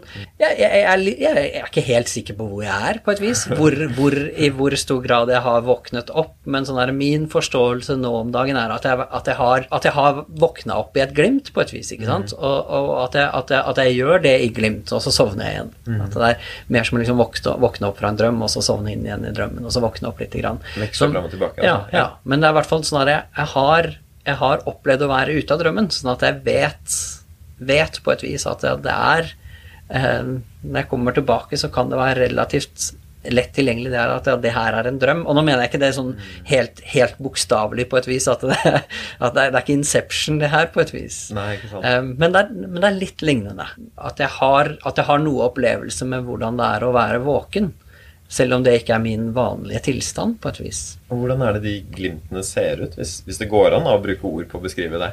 Og det gjør det, men, men, det er ingen garanti for at ordene blir forstått sånn som det er ment. På et vis, ikke sant? Og det er, det er sånn der, På et vis er det ingen ord som helt kan beskrive det, men det er sånn der, på et vis er det ingenting som endrer seg. Mm. Det er liksom, ja, det er det samme. Det er, virkeligheten er bare det den er. Naturen er bare det den er. Det her er bare det det er. Det kan egentlig aldri være på noen annen måte. Det er sånn naturen ja, den, den, den, gjør bare sin ting, på et vis, ikke sant. Mm. Eh, og så har vi en eller annen sånn der idé om at vi kan vi, vi, vi, påvirker den, eller at vi kan Hvis jeg bare gjør sånn og sånn og sånn, så, så kommer jeg til den delen av naturen som bare er bra, på et vis. Ja.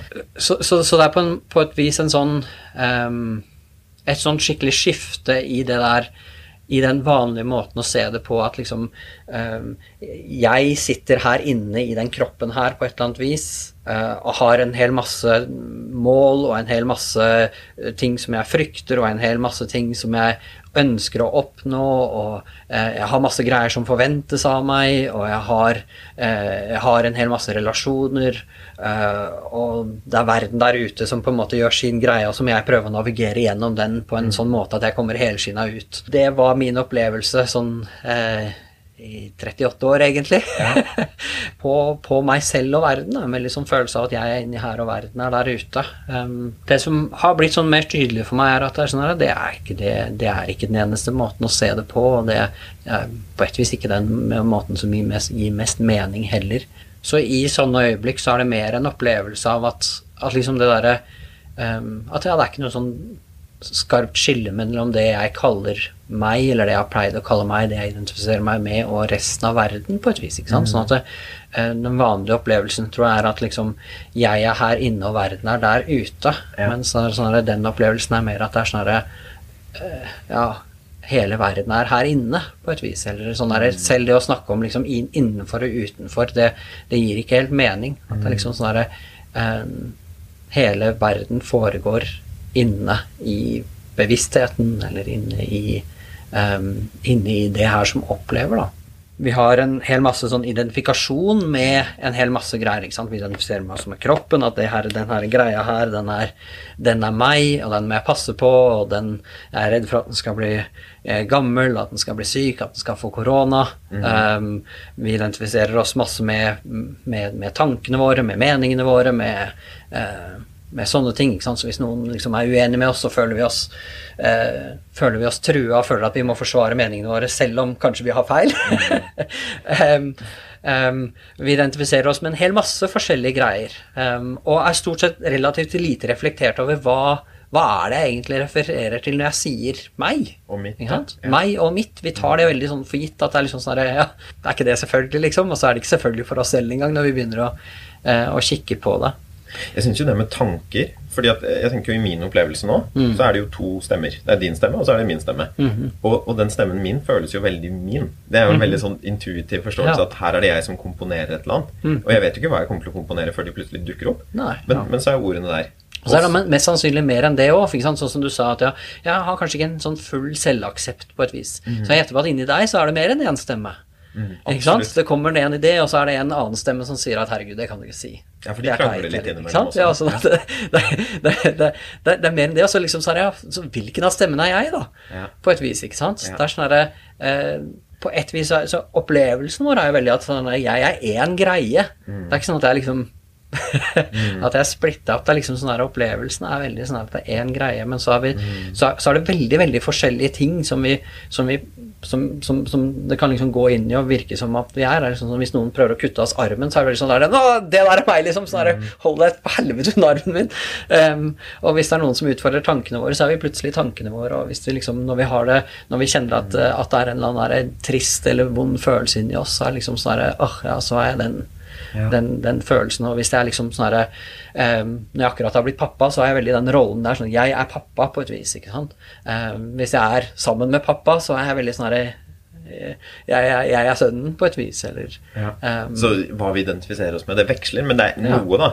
Og det tar vi veldig på alvor når vi først identifiserer oss, mm høres det ut som. da På en måte som kanskje ikke er så hensiktsmessig for, eh, for hvordan vi skal forholde oss til verden hele tiden.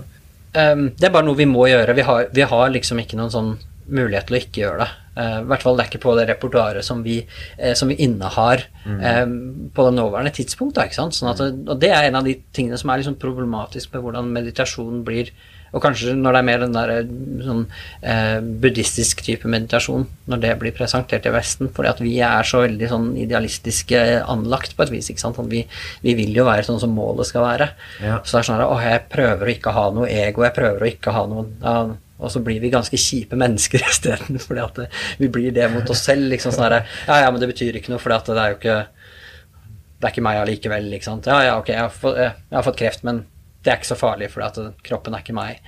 Selv om opplevelsen er at kroppen er meg. sånn at det, liksom, det kan være en følelse av frykt der, og en følelse av tap der, Ja. men det er en sånn derre undertrykkelse av det på et vis, for det kommer en sånn der stemme inni der som sier mer at du burde ikke føle sånn fordi at det er ikke deg, på et vis. Og så blir vi sånn mot andre, og så blir vi ganske sånn kjipe mot andre, og at ah, ja, du har fått kreft, ja, ja, men Ja, ikke sant? Ja. Så, det er ganske vanlig at uh, både vi er sånn i vår kultur, kultur, men som kan bli ekstra mye sånn når vi, når vi kommer på det derre åndelige toget, da. Ikke sant? At sånn her, vi kan bli sånn at noen er veldig lei seg fordi at de har fått kreft, så kan vi bli sånn herre Ja, ja, men det er ikke Kroppen er ikke deg.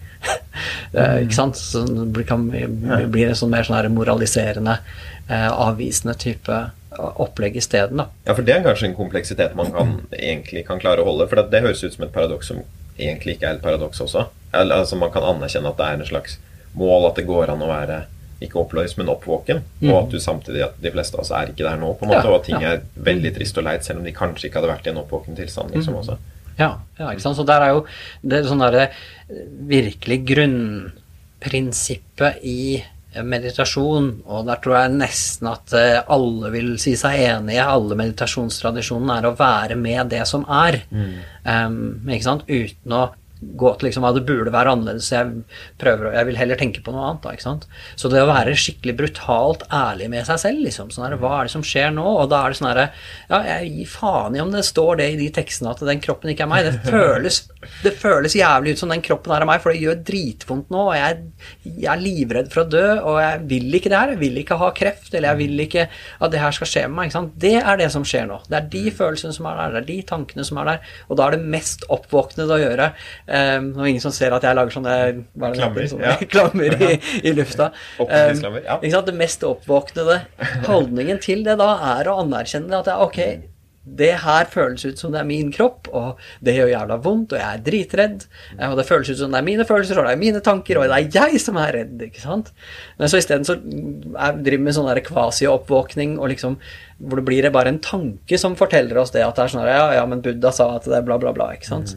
Eh, som, som egentlig bare blir det sånn der, eh, en, annen, en, en, en ny sånn tankelabyrint som vi har kommet inn i, da, ikke sant? Og så dømmer oss selv ut ifra den, at eh, istedenfor å ta opplevelsen for det den er her og nå, da. Og jeg synes jo det, altså, Hvis man skal snakke om hva meditasjon er, som egentlig du gjør nå, syns jeg egentlig er veldig bra. Og, og det er jo ikke-dømmende tilstedeværelse, som jeg har hørt som en sånn definisjon på Ja. hva det egentlig dreier seg om. Ja. At du er på en måte her og nå med det som skjer, på en måte hvor du ikke dømmer det, men bare er egentlig brutalt Ja. ærlig med opplevelsen som finnes i Ja. nuet. da.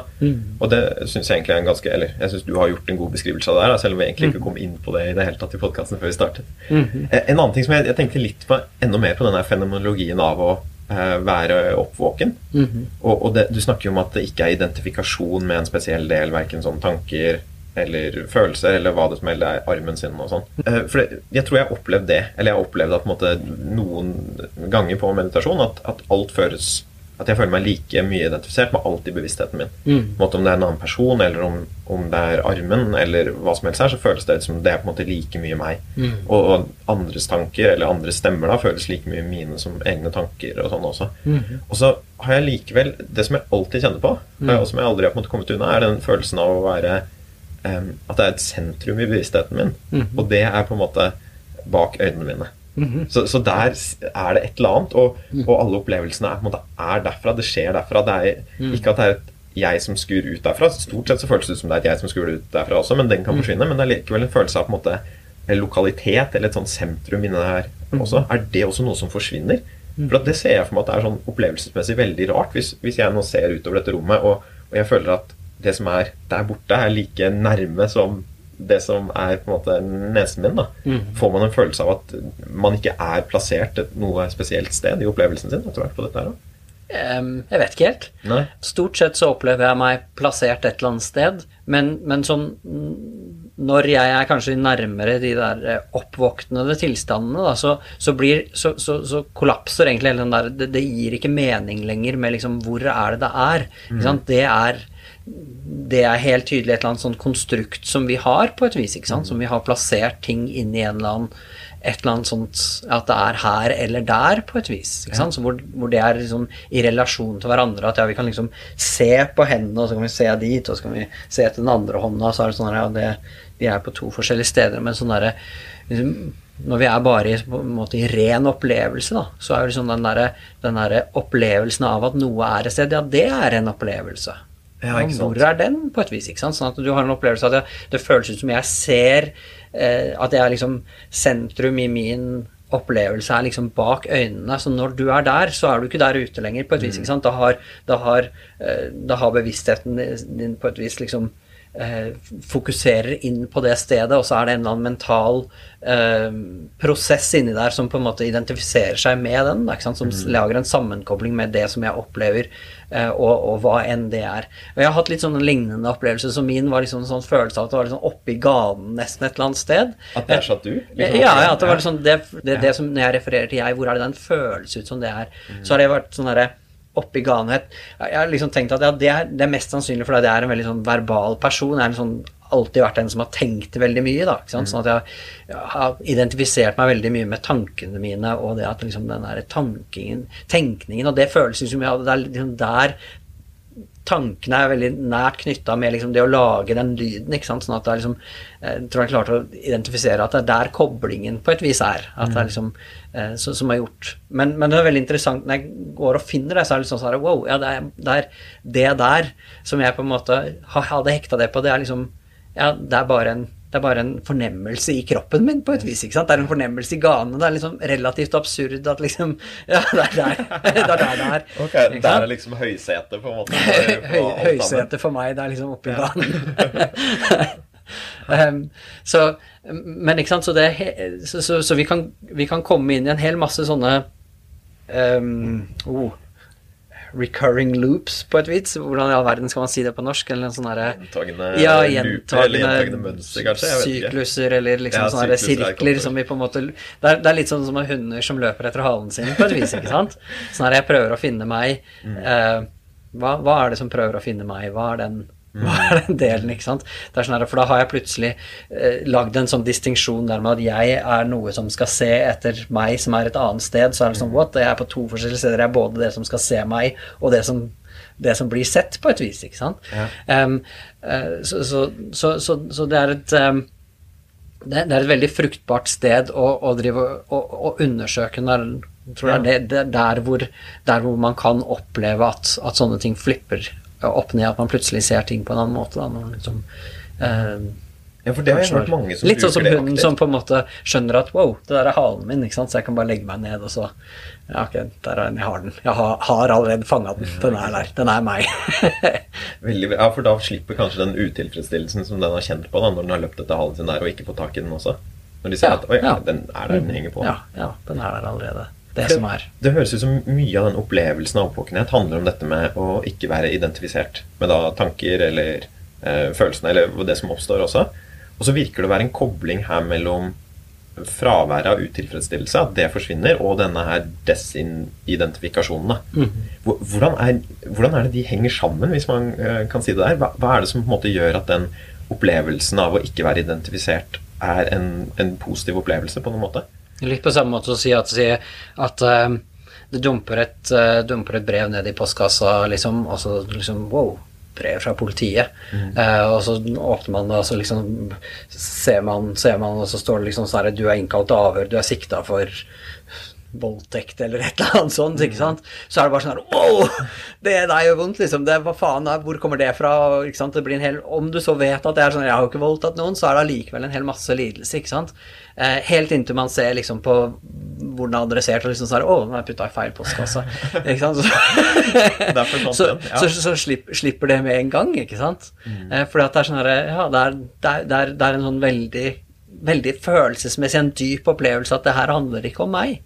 Em, og da er liksom, ja, så hva, hva, hva er problemet da, på et vis? Det er, liksom, ja, det, det, er ikke, det, er ikke, det, er ikke, det som er meg. Det, går helt greit, på et vis. ikke sant? Så, så, så det tror jeg nettopp fordi at det er en identifikasjon at det er utilfredshet, og at det er lidelse. ikke sant? Det er sånn at Um, det er noen som har det som kalles alien hand syndrome, mm. som, som, et eller annet rart som har skjedd i hjernen, sånn at de har liksom Eh, stort sett den ene armen. De, er, de bare vedkjenner den ikke. Liksom, vedkjenner seg den ikke. Mm. Så det er virkelig en sånn opplevelse at den, den hører ikke til meg. Hvem, hva er den greia som henger der, liksom? Den er ikke, den er ikke meg. Mm. Og de er sånn, de kunne jo ikke brydd seg mindre om, de vil helst ha den vekk. ikke sant? Det er sånn her, Kan dere kutte den av, liksom? Ikke sant? For at det er sånn herre den her rare greia som henger der. Vi ha den, liksom. Hele tiden, ja, ja, ja. Så det er en sånn veldig rar nevrologisk uh, tilstand som er, ikke sant. Hvor det er, um, men, det er, så, men, de får jo lidelse med det her, for jeg identifiserer meg med resten, så det er liksom problematisk at den henger, henger fast på det resten av det her som er meg. ikke sant. Så hvis jeg hadde fått sånn alien body syndrome, så hadde det blitt Det hadde kanskje så, vært positivt, da? På, på, på ett, ett plan, kanskje. Jeg husker jeg så en sånn dokumentar om det var et sånn tvillingpar som hadde en eller annen sånn annen rar syndrom hvor de ikke, de ikke hadde sen, uh, smertepersepsjon i det hele tatt. Så de, ikke, de kjente ikke noe smerte noe sted i, ja, no, noe i kroppen. Um, og som, som, veldig problematisk, da, fordi at han der, jeg lurer på om ikke det var en gutt og en jente. Uh, og han gutten hadde brekt beina sånn 17 år, de var sånn 4-5 år eller noe sånt. Ja. Uh, og en av, en av, de le lekene som de likte å leke, var liksom å uh, stå med en sånn der trehusk og slenge i trynet på hverandre. um, så, så, så, så, uten Det var ikke ganske lett å forstå at foreldrene hadde liksom svare strev med liksom Da, var det virkelig aldri trygt, da, på et vis. ikke sant? Fordi at de hadde, de hadde ikke den derre De hadde ikke noe grunn til å passe på kroppen sin på, på ett vis så er, så er, det mer uproblematisk. De, de, de, hadde ikke noe særlig frykt for at kroppen skulle bli ødelagt. ikke sant? Men, og ikke så mye utilfredsstillelse, eller i hvert fall ikke lidelse nei, eller smerte. Nei, ikke, mm. ikke knytta til kroppen, i hvert fall. Det kan ja. godt hende de hadde det for andre ting allikevel. Sånn derre uh, Faen ta deg, mamma! Vi, vi, som koser oss sånn med å slenge den huska frem og tilbake. ikke sant? Det er sånn derre Skal du ta fra oss den, den moroa? Der, Der kan hende det kommer lidelse, ikke sant. Men, uh, men så, ikke sant, så det blir det et fravær av av, av lidelse pga. at ja, det er, det er, ikke en identifikasjon med det, eller det er ikke en um, Ja, det er, det er, ikke noe, det er ikke noe problem, på et vis. Mm. Uh, så betyr det ikke at ja, hvis man når oppvåkning, så blir det sånn at man bare gir faen i kropp, kroppen sin, eller ja, man uh, For man må ikke gjøre det. Ikke sant? Sitt, nei, liksom. nei, nei. Sant? For det går an å uh, anerkjenne at ja, den kroppen her, den er, den er, et, den er et, godt verktøy mm. for, å, for å dele det her med andre, eller for å på en måte du kan, kan liksom bruke den til en hel masse praktiske, praktiske greier. Mm. Um, så, så, så, det betyr ikke at man på en måte bare må At man, at man blir helt sånn likegyldig eh, til ting, men man mm. mister mye mer den derre eh, den der sterke frykten for at et eller annet skal skje med kroppen. Men For å spinne litt videre på den der alien hand syndrome for det, har jo vært en del studier også uh, nyere på meditasjon som, som, begynner å vise en del av skyggesidene på meditasjon. Mm. Eller i hvert fall at det kan ha dårlige effekter for noen. Mm. Altså at det er noen som mediterer, og så kommer de ut og opplever det som ubehagelig, eller får måte angst av det. Mm. Um, og andre negative effekter der også. Mm. Og, og, og, bare sånn, For det virker jo som at det er noen av de effektene av meditasjon som er på en måte det intended consequences, da, eller det som det ja. faktisk har bidratt til, mm. som kan oppleves ganske skummelt også. For jeg tenker jo dette her med å ikke være identifisert med kroppen sin, f.eks., mm. kan være, sikkert være ganske skummelt. Mm. Jeg ser for meg også Hvis du slutter å være identifisert med tankene dine, så er det kanskje at du ikke lenger føler på en fri vilje, men at du mm. føler at måte, ting bare skjer, istedenfor at det er du som kontrollerer det, som også høres ganske skummelt ut også. -hmm. Og, og, det jeg tenker på det, er jo at det virker som det buddhistiske rammeverket er noe som er med å gjøre sånne opplevelser meningsfulle, og sette dem ja. i en sånn spirituell kontekst. Mm som gjør at de da kanskje ikke oppleves så ubehagelige likevel. ja, det kan fortsatt være temmelig ubehagelig. Okay. Um, men, men, men, men, jeg tror det er... Jeg har hørt om Dark Nights, f.eks. At det ja. er en, en, del av buddhister også, at du skal gå gjennom opplevelser som føles sånn. Jeg, jeg vet ikke, Tenker du at en del av de negative, eller tilsynelatende negative effekten av meditasjon egentlig er en konsekvens av at det praktiseres uten et sånt spirituelt rammeverk rundt seg? Jeg tror det er ett et problem, så jeg tror det er, tror det er flere ulike, uh, ulike, problemer. Jeg tror spesielt to som, som, som, det kan være verdt å, å, å, å snakke litt om, uh, hvor, hvor, det, hvor, det, er den ene. Men jeg, men jeg tror det er liksom bare spirituelt rammeverk i seg selv, det tror jeg liksom uh, jeg, jeg tror ikke det er liksom det at jeg, jeg, vi, har en, vi, har, vi, går med en viss type klær, og vi, vi synger de samme sangene, og vi, mm. eh, vi har noen ritualer som vi gjør sånn, men det er ikke det som på en måte eh, jeg tror er det vesentlige. Nei, det er bra um, forskjell, for det, det, handler jo mer om ja. ideene, egentlig. Og, jeg tror det er noe med i den konteksten man forstår de opplevelsene man får. Ja. Um, uh, så, så, ok, så kanskje det er, det er en um, Dess mer jeg tenker på det, så, uh, så, så, er det kanskje noe med også det derre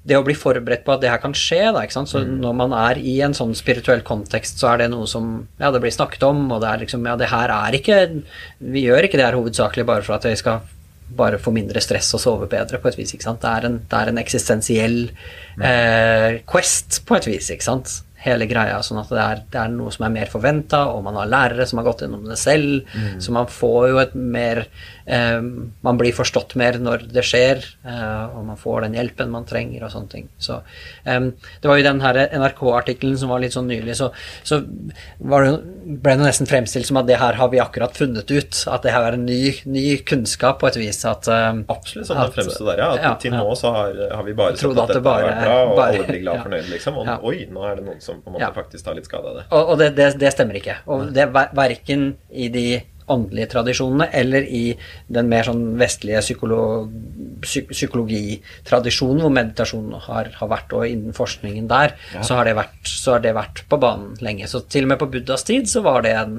var det en, en, en veldig alvorlig greie. Eh, okay. Så der var det Det var, det var en, en, gjeng med munker som, som, mediterte på en spesiell måte, som mediterte veldig mye på sånn kroppen, kroppen sin oppbygning og kroppen sin på en måte eh, Også de mindre attraktive aspektene av kroppen. da, ikke sant? Så mm. istedenfor å bare se på den ytterste millimeteren, så, så liksom forholdt de seg mye til liksom, at ja, alt det kroppen er, liksom med skjelett og kjøtt og blod og hele den greia der. Uh, og um, hvor det var veldig mange av de som ja, kanskje fikk litt sånn alien hand, alien body syndrome-type type innsikter på et vis, men uten at, uten, at, uten at, de helt var klare for det, eller uten at det var på en måte i riktig kontekst, så var det, uh, var det ganske mange av de som, som, som tok selvmord sam, samtidig. Uh, så det ble nesten en sånn der, liten sånn selvmordsgjeng selvmords, der, da. Som en slags konsekvens av det ja. å å praktisere Buddhas lære, egentlig? da? Ja, så de kom mer inn i den derre likegyldighetstingen, uh, vil jeg anta, da. Ja. Um, nå er det sånn som mange av de her buddhistiske tekstene er ganske sånn derre uh, Det er lite, lite, detaljer, lite kjøtt på beina ofte, sånn at det er ikke nødvendigvis så, så inngående forklart. Men det er det jeg vil anta at på en måte var mye av den, den tilstanden som det var mer en sånn likegyldighet eller en eh, apati, og kanskje til og med en forakt mot, ja. mot kroppen og det. Så, så det skjedde, og så kom Buddha etter en stund, eller noe sånt, og han fikk høre om det der, og da, eh, da fortalte han at ja, okay, det var det, som, det var det, som, var greia, på et vis. At det var fordi at de mediterte på det, og at det, liksom, ja, det er ikke alltid det riktige. Det er, sånn der, det er noen balanse. og da, Mulig jeg husker feil, men jeg tror, tror, han liksom sa at ok, det her, hvis man strever med det her, så liksom, den her type meditasjon, som du har meditasjon på pusten, eller om du har meditasjon på, på en sånn uh, Å dyrke frem en sånn vennlighet og kjærlighet inni seg eh, type meditasjoner da, som er veldig eh, Som ofte i buddhistisk tradisjon blir brukt som en sånn eh, motvekt, på et vis, ja. for å opprettholde den balansen. At det er sånn at ja, det her er viktige ting å jobbe med og viktige innsikter å få, eh, men det er viktig at det på en måte det er i en eh, at, at, at, systemet klarer å ta det imot, da, på et vis. Og klarer å klarer å sette det inn igjen eh, inn på en sånn måte at det, at det, får positive følger og ikke negative følger, som selvmord naturligvis er. da. Men det er jo litt øh, kult at det faktisk finnes en, kanskje en verktøykasse der ja. hvis man går litt inn i teksten også, som kan ja. på en måte hjelpe deg å håndtere de Helt vanskelige klart. situasjoner, og navigere ja. det også hvis man opplever at det er krevende. Mm. Og så var det noe, er, er, det noe med at dette her også er en del av veien? At man tenker at på, på vei mot oppvåkenhet, så er det på en måte naturlig at man skal gjennom ja. noen perioder hvor ting er vanskelig, og hvor ting helt kanskje klart. føles dårligere enn det har føltes før òg. Ja, helt klart. Og det, der er det jo veldig sånn individuelt hvor mye folk går igjennom. Så noen får ikke sant, Sånn som du sa, du var, på, du var på retreat, og du følte at du var litt sånn i himmelen og helvete. Mm. Uh, jeg tenkte inni meg selv ok, det hørtes ut som du var i himmelen, og så var du sånn på jorda.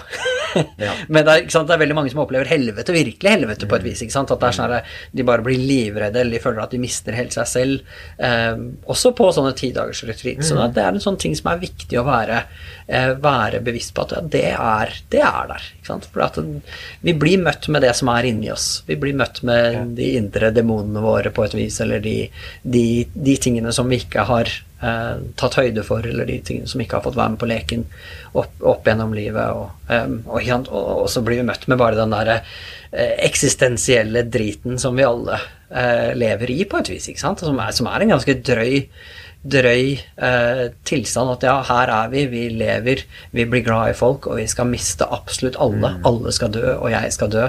Eh, det vet vi helt sikkert, men vi har ingen anelse om hvor, eller hvordan, eller når. Eh, ikke sant? Sånn at det kan, komme, det kan komme i prinsippet når som helst. Da. Vi har ingen garantier.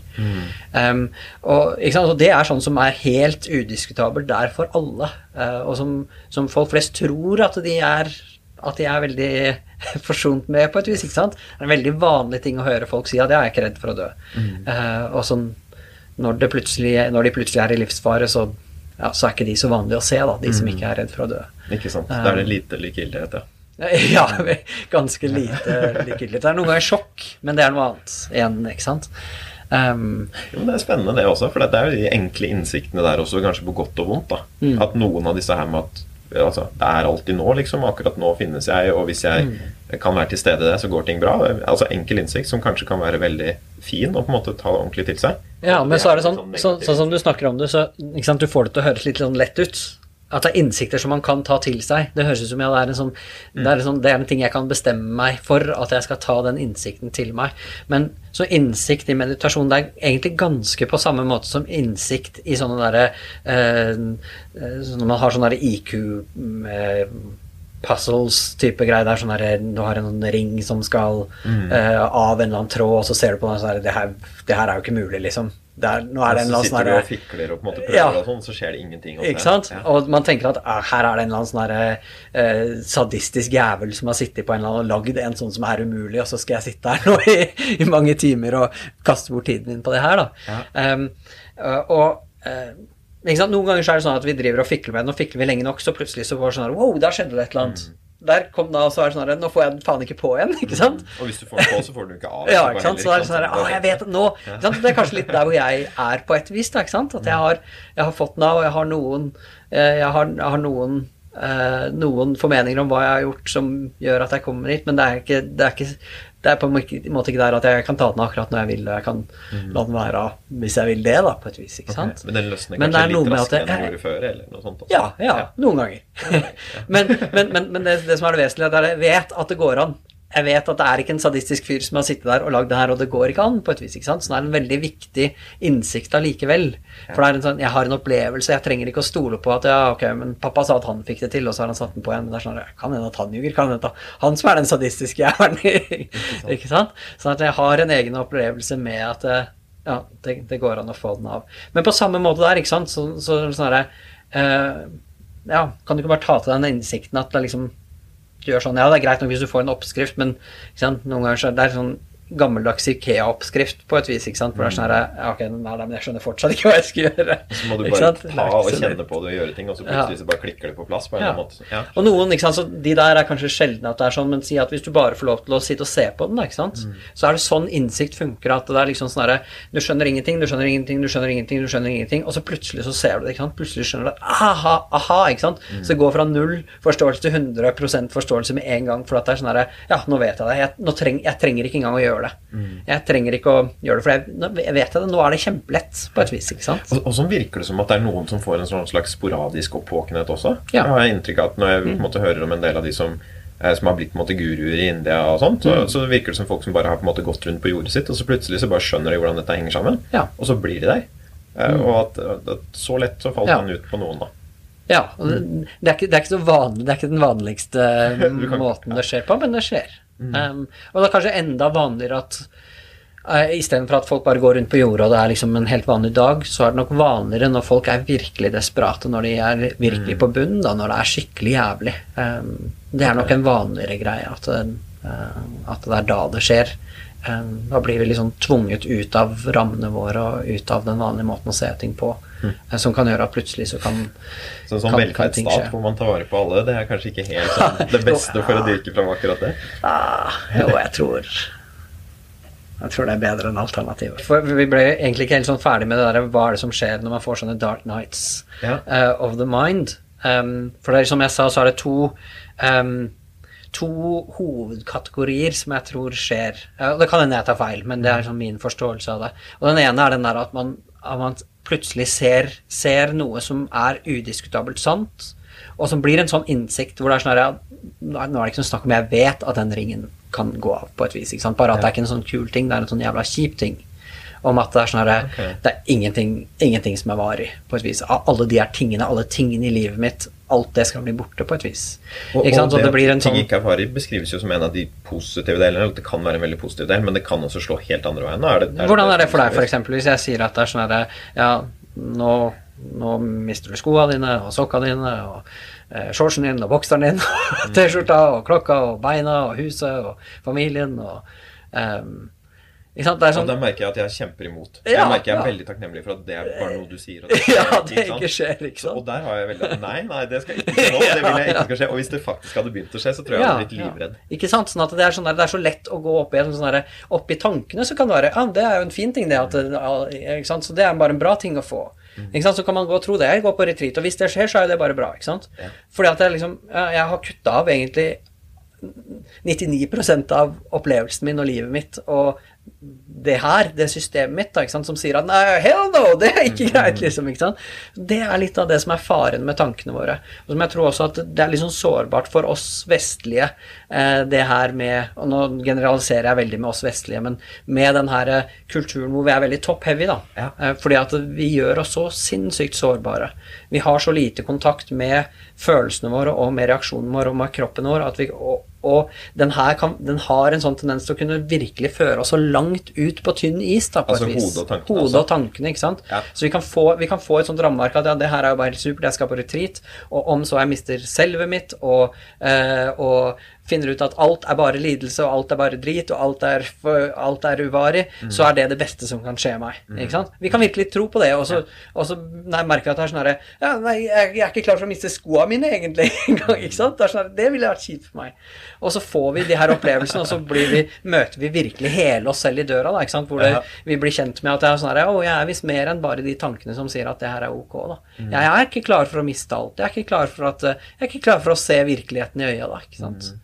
Jeg, jeg, jeg, vil, jeg vil tilbake. Jeg vil, jeg vil eh, ikke sant, Sånn som den der The Matrix, på et vis. ikke sant? Det er sånn jeg vil bare, Kan jeg ikke bare få gå tilbake og ta den der røde pilla eller blå pilla, eller hva det er?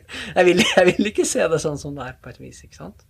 Så det tror jeg er en av, en av de tingene som skjer når det går gærent, er at folk får en sånn innsikt at de ser noe som er sant, og som er sånn her, ja, sånn er virkeligheten, men som, som, som de ikke emosjonelt er klar for i det hele tatt, og som Ja. de ikke har noe eh, De har ikke noen rammeverk for å kunne forstå på noen, eller oppleve på noen positiv måte. Da, ikke sant? Sånn at de, de, får ikke, de får ikke gevinstene, de får bare driten, på et vis. ikke sant? Så at liksom verden kollapser, og livet kollapser, på et vis. ikke sant? Og Ja, de har da, I et buddhistisk rammeverk så ville da, du hatt en forståelse av at dette suger, dette er skikkelig kjipt, men det er en del av reisen. Og Ja, så, men, men, men det er et sånt buddhistisk rammeverk. Er liksom, vi snakker som om det er én ting, men buddhisme er så utrolig mange forskjellige ting, og det er så mange forskjellige lærere, og det er så mange forskjellige mennesker som forstår buddhismen.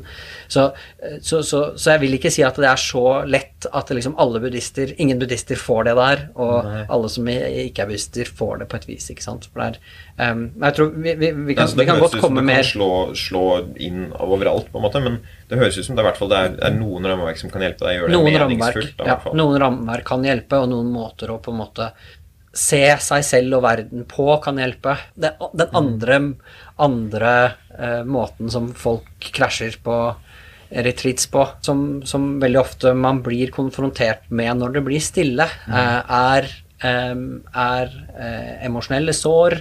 eh, og traumatiske ting man har opplevd, eh, vonde ting man har opplevd, som på en måte har blitt dytta ned i, i møkkakjelleren på et vis. Og ikke sant, Sånn som man ikke har hatt kontakt med nettopp fordi at jeg har vært oppi hodet mitt, og det er sånn jeg har håndtert livet. Det var sånn her, det fikk jeg ikke hjelp til å håndtere når det skjedde, så, men jeg gikk opp der, og så fikk jeg det selv, og så bare, har jeg bare tatt meg sammen, og så har måte, har livet funka fint. Og så sover jeg litt dårlig, så derfor har jeg begynt på med, med meditasjon, for jeg håper at eh, bare, bare jeg begynner å sove bra, så er alt bra. Ikke sant? Ikke sant? Ja, og sånn kan det jo selges inn også, da. At det øker søvnkvaliteten. Sånn selges det inn Ja. av ganske mange, eh, ikke sant. Og, eh, og som kanskje ikke har egentlig helt nok kompetanse til å møte det som kan skje, da. Um, for, for når det blir stille, så, så gir det et rom for ting å dukke opp, da, ikke sant. Og det kan være store ting, og det kan være små ting. Eh, det kan være, eh, det kan være små ting som har skjedd veldig mange ganger, eller som man har opplevd veldig mange ganger, eller det kan være liksom store ting som har skjedd en gang, som har bare blitt, blitt helt dytta bort på et vis. Og når de her tingene kommer opp, så um, ikke? Litt sånn som du sa at du kjente på akkurat i stad. Når jeg spurte liksom, ok, hvordan opplever du det hvis liksom, okay, du skal miste skoa, sokka, bla, bla, bla. ikke sant?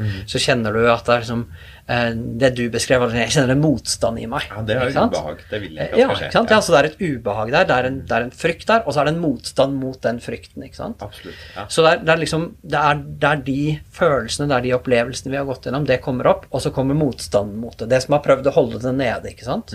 Um, og begge de to tingene kan være ganske, ganske tøffe å hanskes med, da.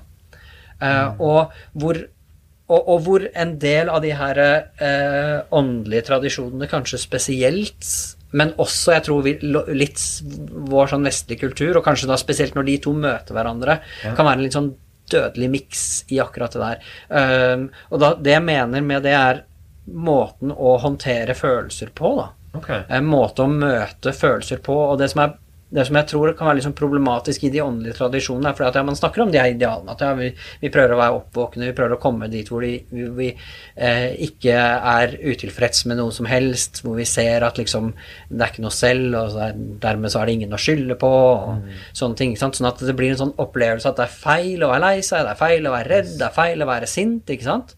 Og kanskje spesielt sinne er er spesielt den, den som er mest problemask, For det er symptom på å ikke være oppvåken, egentlig. Ja, det det vil alle, det, det vil alle de Alle på en måte kunne på, tolkes på, men sinne tolkes veldig ofte også som å være slem på et vis, ikke sant? Okay. Å være ond, at det er en sånn ondskap, og det er Er man åndelig, så er det det siste man skal være på et vis, ikke sant? Yes.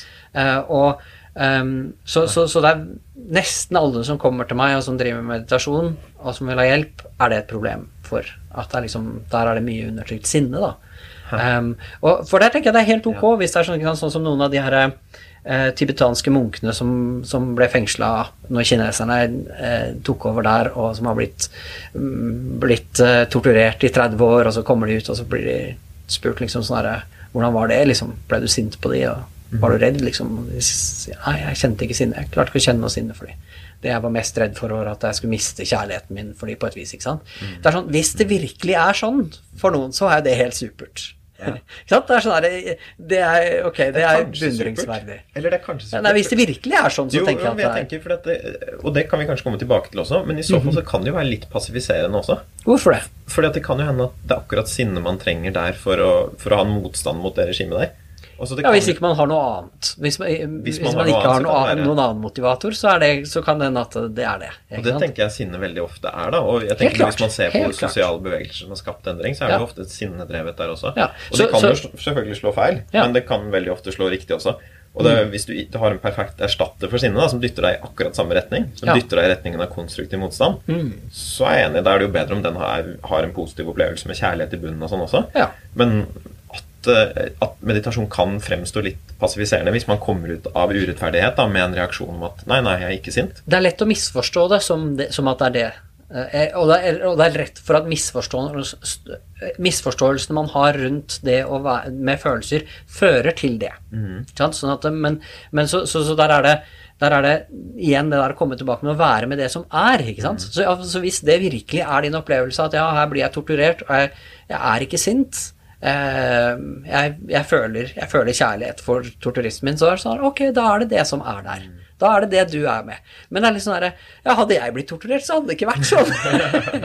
ikke sant? Så istedenfor at jeg da skal begynne sånn herre Ja, men jeg burde jo være sånn som han, ikke sant? Så er det sånn herre Jeg kan ikke være noen andre enn meg. Ikke sant? Og jeg jeg er fly forbanna. Eh, ikke sant? Um, så er det det som må få lov til å være der. Jeg må få lov til å kjenne på det. Det betyr ikke at jeg alltid må handle på det på et vis. ikke sant? For det, det, det blir, en annen, det blir en, annen, eh, en annen problematisk greie hvis jeg skal handle på alle følelsene mine. Det hadde blitt, eh, det hadde blitt kaos. Uh, ja, kanskje. Eller det er jo et spørsmål om hvordan man handler på det. Men, ja, ja, men hvis jeg skal, så hvis følelsen min sier at det er sånn herre liksom, Ja, ikke sant. Å, faen, nå er jeg så lei av PC-en min og har lyst til å kaste den ut av vinduet. Yes. Ikke sant? Hvis jeg skulle gjort det hver gang jeg hadde lyst til å? Det blir dyrt, da, ikke sant? Eller hvis det er sånn herre ah, Fuck it, nå har jeg lyst til å, har jeg lyst til å bare kutte ut han for alltid. ikke sant? Ja. Jeg skulle gjort det, så er det sånn herre ja, det hadde blitt problematisk. For ja, følelsene våre de kan, de kan, føle veldig mye, og så er det ikke nødvendigvis mm. alt av det som er, som er eh, klokt å handle på. ikke sant? Men det betyr ikke at vi må dytte det bort og liksom ikke anerkjenne det. Det kan være sånn herre ja, Ok, nå har jeg lyst til å kaste PC-en ut av vinduet, nå har jeg lyst til å kaste PC-en ut av vinduet, nå har jeg lyst til å kaste PC-en ut av vinduet. Det er det som er der. Nå er jeg så sint på den der jævla PC-en at jeg har bare lyst til å ødelegge den. ikke mm. sant? Så at følelsen kan få være der uten at jeg må handle på det. Um, så det er en veldig viktig forskjell. Men det som veldig ofte skjer når, når sånne følelsesmessig vonde ting kommer opp i meditasjon, um, er at uh, de gamle mønstrene setter i gang. Da, ikke sant? Det er sånn herre Å, fuck, det her, det her er for drøyt, det her er for vondt, og jeg burde ikke føle det. Nå, nå skal jeg være her, og jeg skal eh, nå, Alle andre rundt meg sitter og bare Nå er de sikkert oppvåknet allerede, for alle ser ut som de har det så bra. på et vis, ja. så, så man begynner å kjefte på seg selv. Faen, så dum jeg er. Jeg må, herregud, jeg må skjerpe meg. Hva er jeg for en sippeguri, på et vis, som sitter her og griner, liksom. Mm. Eh, så, så, man begynner å stenge ned og stenge ned og stenge ned. ikke sant? Som, ja, det er det motsatte av meditasjon, men allikevel så har man fått en sånn følelse av at nå gjør jeg det riktig, for jeg stenger det ned. For jeg prøver å, prøver å Nå skal jeg ikke stresse, jeg skal ikke stresse, men det er å få bort de der dumme tankene, ikke sant? Mm. um, det, er veldig, det er veldig spennende, for det ser jo alltid sånn ut på utsiden når du ser folk mediterer. Så ser det rolig ut, og så er det sikkert akkurat det samme som foregår ja, der også. Det er evig kaos på innsiden, ikke sant? Og det der med liksom å kjede seg, for å kjede seg på retreat gjør jo ingenting. Da kan du på en mm. måte bare sitte med kjedsomheten din, og den er jo like god som alle andre følelser. Men det var jo ikke det jeg gjorde når jeg kjedet meg på retreat. Mm. Da kjedet jeg meg og tenkte at hvor faen skal jeg kjede meg her? Jeg skal jo drive og bli oppvåken. sånt. Liksom. Dette er jo ingenting med det å gjøre. Ja, ja. Så da blir det jo litt den samme der. Helt klart, ja. Og, og bare for å ta liksom min inngang inn på dette For jeg, jeg, tror jeg har hatt et møte med meditasjon som ligner på det du beskriver der. Mm. Hvor eh, jeg gikk starte meditasjon for mm. å drive sinnehåndtering. Eller mm. sinnemestring, egentlig. da. Ja, ja. Og eh, det som fikk meg veien inn dit, var egentlig å gå i terapi, kognitiv atferdsterapi, mm. hvor jeg fikk lært at hvis du kan måte, gjenkjenne situasjoner hvor sinnet er oppdaget, mm. så kan du finne bevis mot at du burde være sint, ja. og notere ned det. Ja. Og gjennom det så kan du si at den følelsen tar feil, mm. og så kan du på en måte døyve den ned på den måten. Og det ja. føles nå, når jeg beskriver det, når jeg tenker på det, mm. som en måte å undertrykke det på. Ja, så, det er det der. Ja, ikke sant? Og så gikk jeg inn i meditasjon med tanke om at hvordan er det jeg skal klare å se når sinnet dukker opp, da, sånn at jeg kan undertrykke det så fort som mulig. Ja. Og da var jo meditasjon et veldig fint sted å gå for min del. For mm. da kunne jeg se sinnet mitt komme, og så kunne jeg si ah, du skal ikke være her. Yes. Hvor er alle bevisene, kognitive bevisene for at sinnet ikke bør være her? Det tar feil. Mm. Yes, der var de på plass, og da kan jeg bare dytte ned og liksom prøve å grave det så langt ned som mulig, egentlig. da, mm. Som var min måte å håndtere sinnet på. Og så har jeg nå gått til ISTDP, som er en annen emosjonsfokusert terapiretning mm. som beskriver det veldig annerledes. Hvor de sier ja. at hvis du er sint, så akkurat som du sier, da, mm. tillat deg selv å være sint. Mm. Det er helt greit. Ja.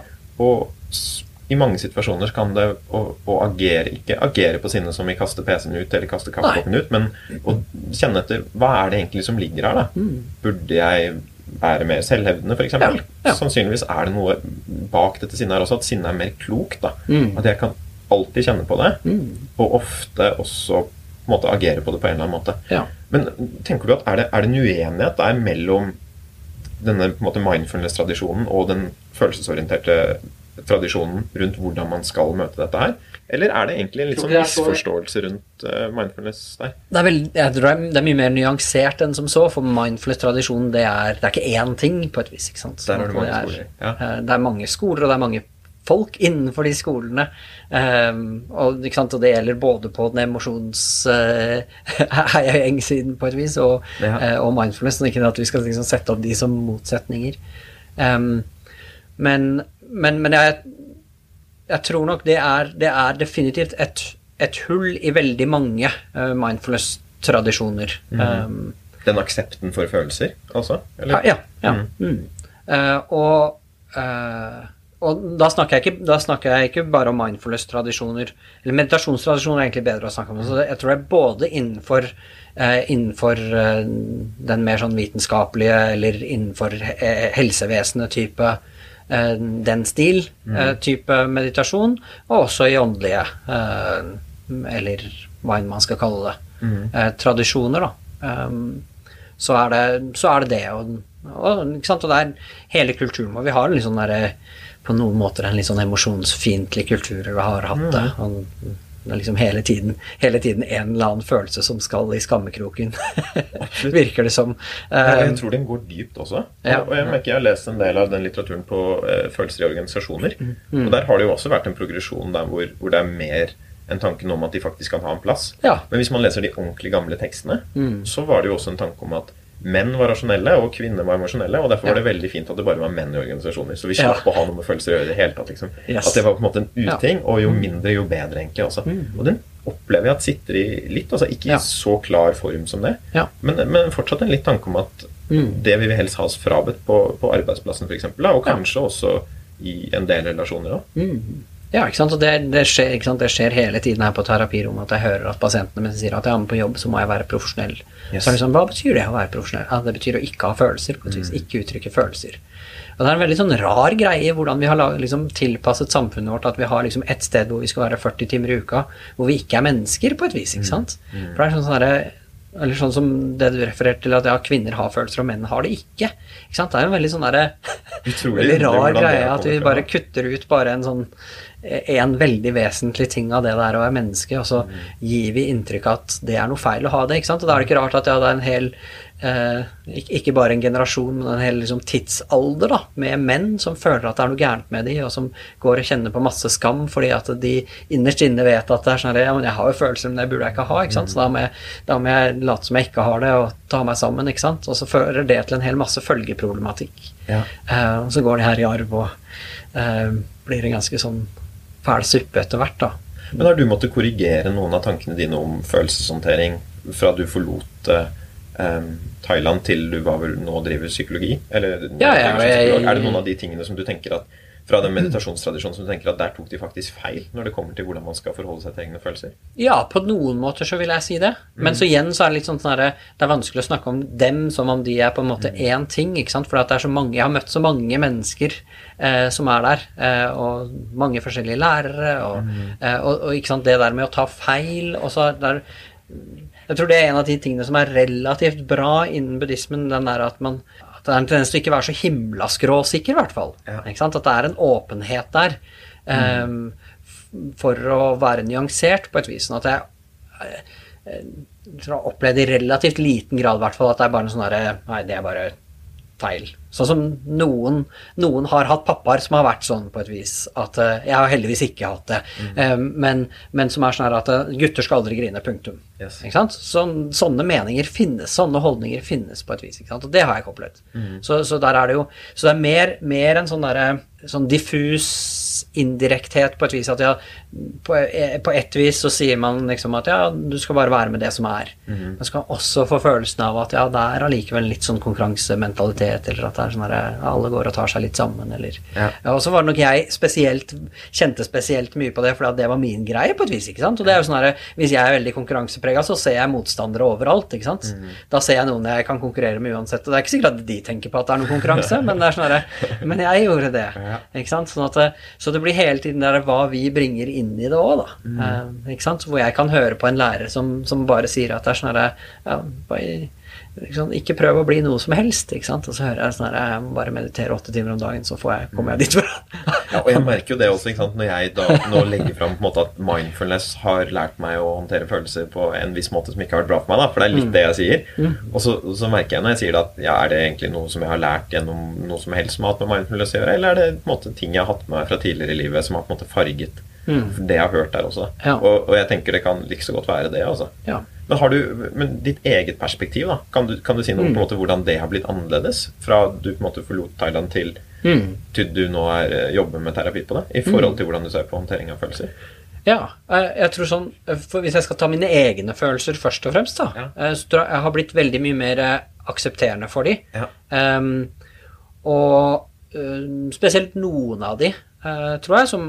Så, så der tror jeg bare det å være øh, være Munch. Så selv om jeg var der i, med en sånn konkurransementalitet, så er jo det en, det er en måte å leve på, det er et helt rammeverk rundt, og det er så mange ting som gjør at ja, sånne ting det de skarpe kantene de på en måte files ned, da, på et vis. Sånn at det var jo en prosess mens jeg var der.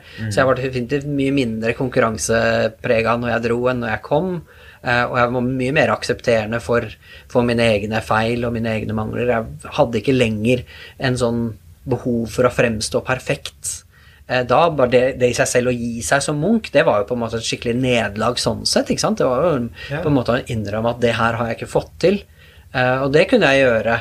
Det kunne jeg gjøre uten at jeg følte at nå, nå, må, jeg bare, nå må jeg bare luske meg ut i nattens mulm og mørke på et vis, for det her, jeg orker ikke å se noen i øya i det her på et vis. ikke sant? Sånn at det var jo helt klart som, en prosess som begynte da, men som har fortsatt å blomstre på et vis. Fortsatt å blomstre etterpå. Som, som Der tror jeg emosjonsfokusert terapi har hjulpet også veldig å sette det der i et system for meg, da, på et vis. ikke sant? Hvor jeg, kan, eh, hvor jeg kan forstå mine egne følelser, og jeg kan forstå hvordan de har blitt sånn, og verdien av følelsene, verdien også av de, de vonde og negative følelsene. ikke sant? Akkurat det som du snakker om med sinne, at eh, ja, sinne kan være veldig destruktivt, men det kan også være veldig beskyttende og veldig viktig. ikke sant? At det, sinne kommer definitivt ikke bare fra ondskap, og jeg vet ikke om jeg vil si at det noen gang kommer fra ondskap. Um, um, De sånn- kommer jo sånn fra våre egentlig. behov, egentlig. Da. Ja, og at ja, de ikke sant? føles møtt. Og, Ja. og kanskje av og til vi er villige til å tråkke på andres tær, så det kan jo eh, selvfølgelig se, se ut som ondskap ganske ofte. Siden, Ja, og det blir ofte omtalt som ondskap, ikke sant? Men det er jo sånn, stort sett så er det jo sånn at jeg gjør det her for å, for å verne meg selv, eller for å beskytte meg selv, eller for å uh, ikke sant? Så det kommer ut fra en kjærlighet til meg, ikke sant? Som, som, som er en sånn greie som i, vi, i Vesten har hatt en litt sånn tendens til Ja, men det er ikke kjærlighet. Nei, det er egoisme, det. Det er ondskap å være glad i seg selv på et vis, ikke sant? Og du kan jo være sint på andres vegne også, ikke sant? så du Helt kan jo klart. bli sint på Ja, ja, som ikke rammer deg selv også. Helt klart. Mm. Så det er jo mange former for det. Men, men ser du sinte munker hos sted? Er det noen på en måte munker som liksom sier at nei, nå er jeg skikkelig forbanna, liksom, og det er helt greit? Er det, Ja. er det, det, er, det er liksom Ja. veldig langt fra mitt bilde av hvordan munker forholder seg Ja, til klart, ja, ja, ja, klart, klart munker er sinna. Munker er mennesker. Ja. Eh, og ja, det er, det er munker som, som, som snakker om, forteller om hvor sinna de er. Eh, og det er ikke sant, og det er med det der at, at, um, eh, at med at sinne ikke er en sånn greie som kommer fra hat, på et vis. Yes. At det, det er, så, så igjen så blir det litt sånn sånn Hva er det vi mener med de ordene vi sier? ikke sant? For der er det sånn der, også som vi kan være med barna våre, at det er sånn der, ja, noen ganger så er vi skikkelig strenge med dem. Sånn at de er sånn her, 'Pappa, ikke vær så sinna'. Ikke sant? Og så er det sånn her, Ja, er jeg sinna? Jo, jeg er kanskje det, men det er sånn jeg- det her eh, liksom, Jeg har ikke lyst til at du skal få det kjipt. Jeg har lyst, det her er viktig, liksom, så nå skal du høre etter. Og det er det også oppvåknende lærere som kan være sinna på den måten, på et vis. ikke sant? Sånn at det er ikke nødvendigvis noe som, noe som forsvinner. Så noen av de lærerne, lærerne mine i Thailand, um, de, kunne, de kunne noen ganger virkelig ikke legge noe imellom, på et vis. ikke sant? De kunne være ekstremt direkte og uh, være Jeg tror det er fair å kalle det, kalle det sinte, men sinte mer på den måten hvor det er liksom Ja, det er noe som kommer fra en omsorg, og noe som er liksom Nå trenger du å bli satt på plass på et vis. Det her er noe Det her gjør jeg for å hjelpe deg. Um, og ikke sant, det er det ikke noe i veien for.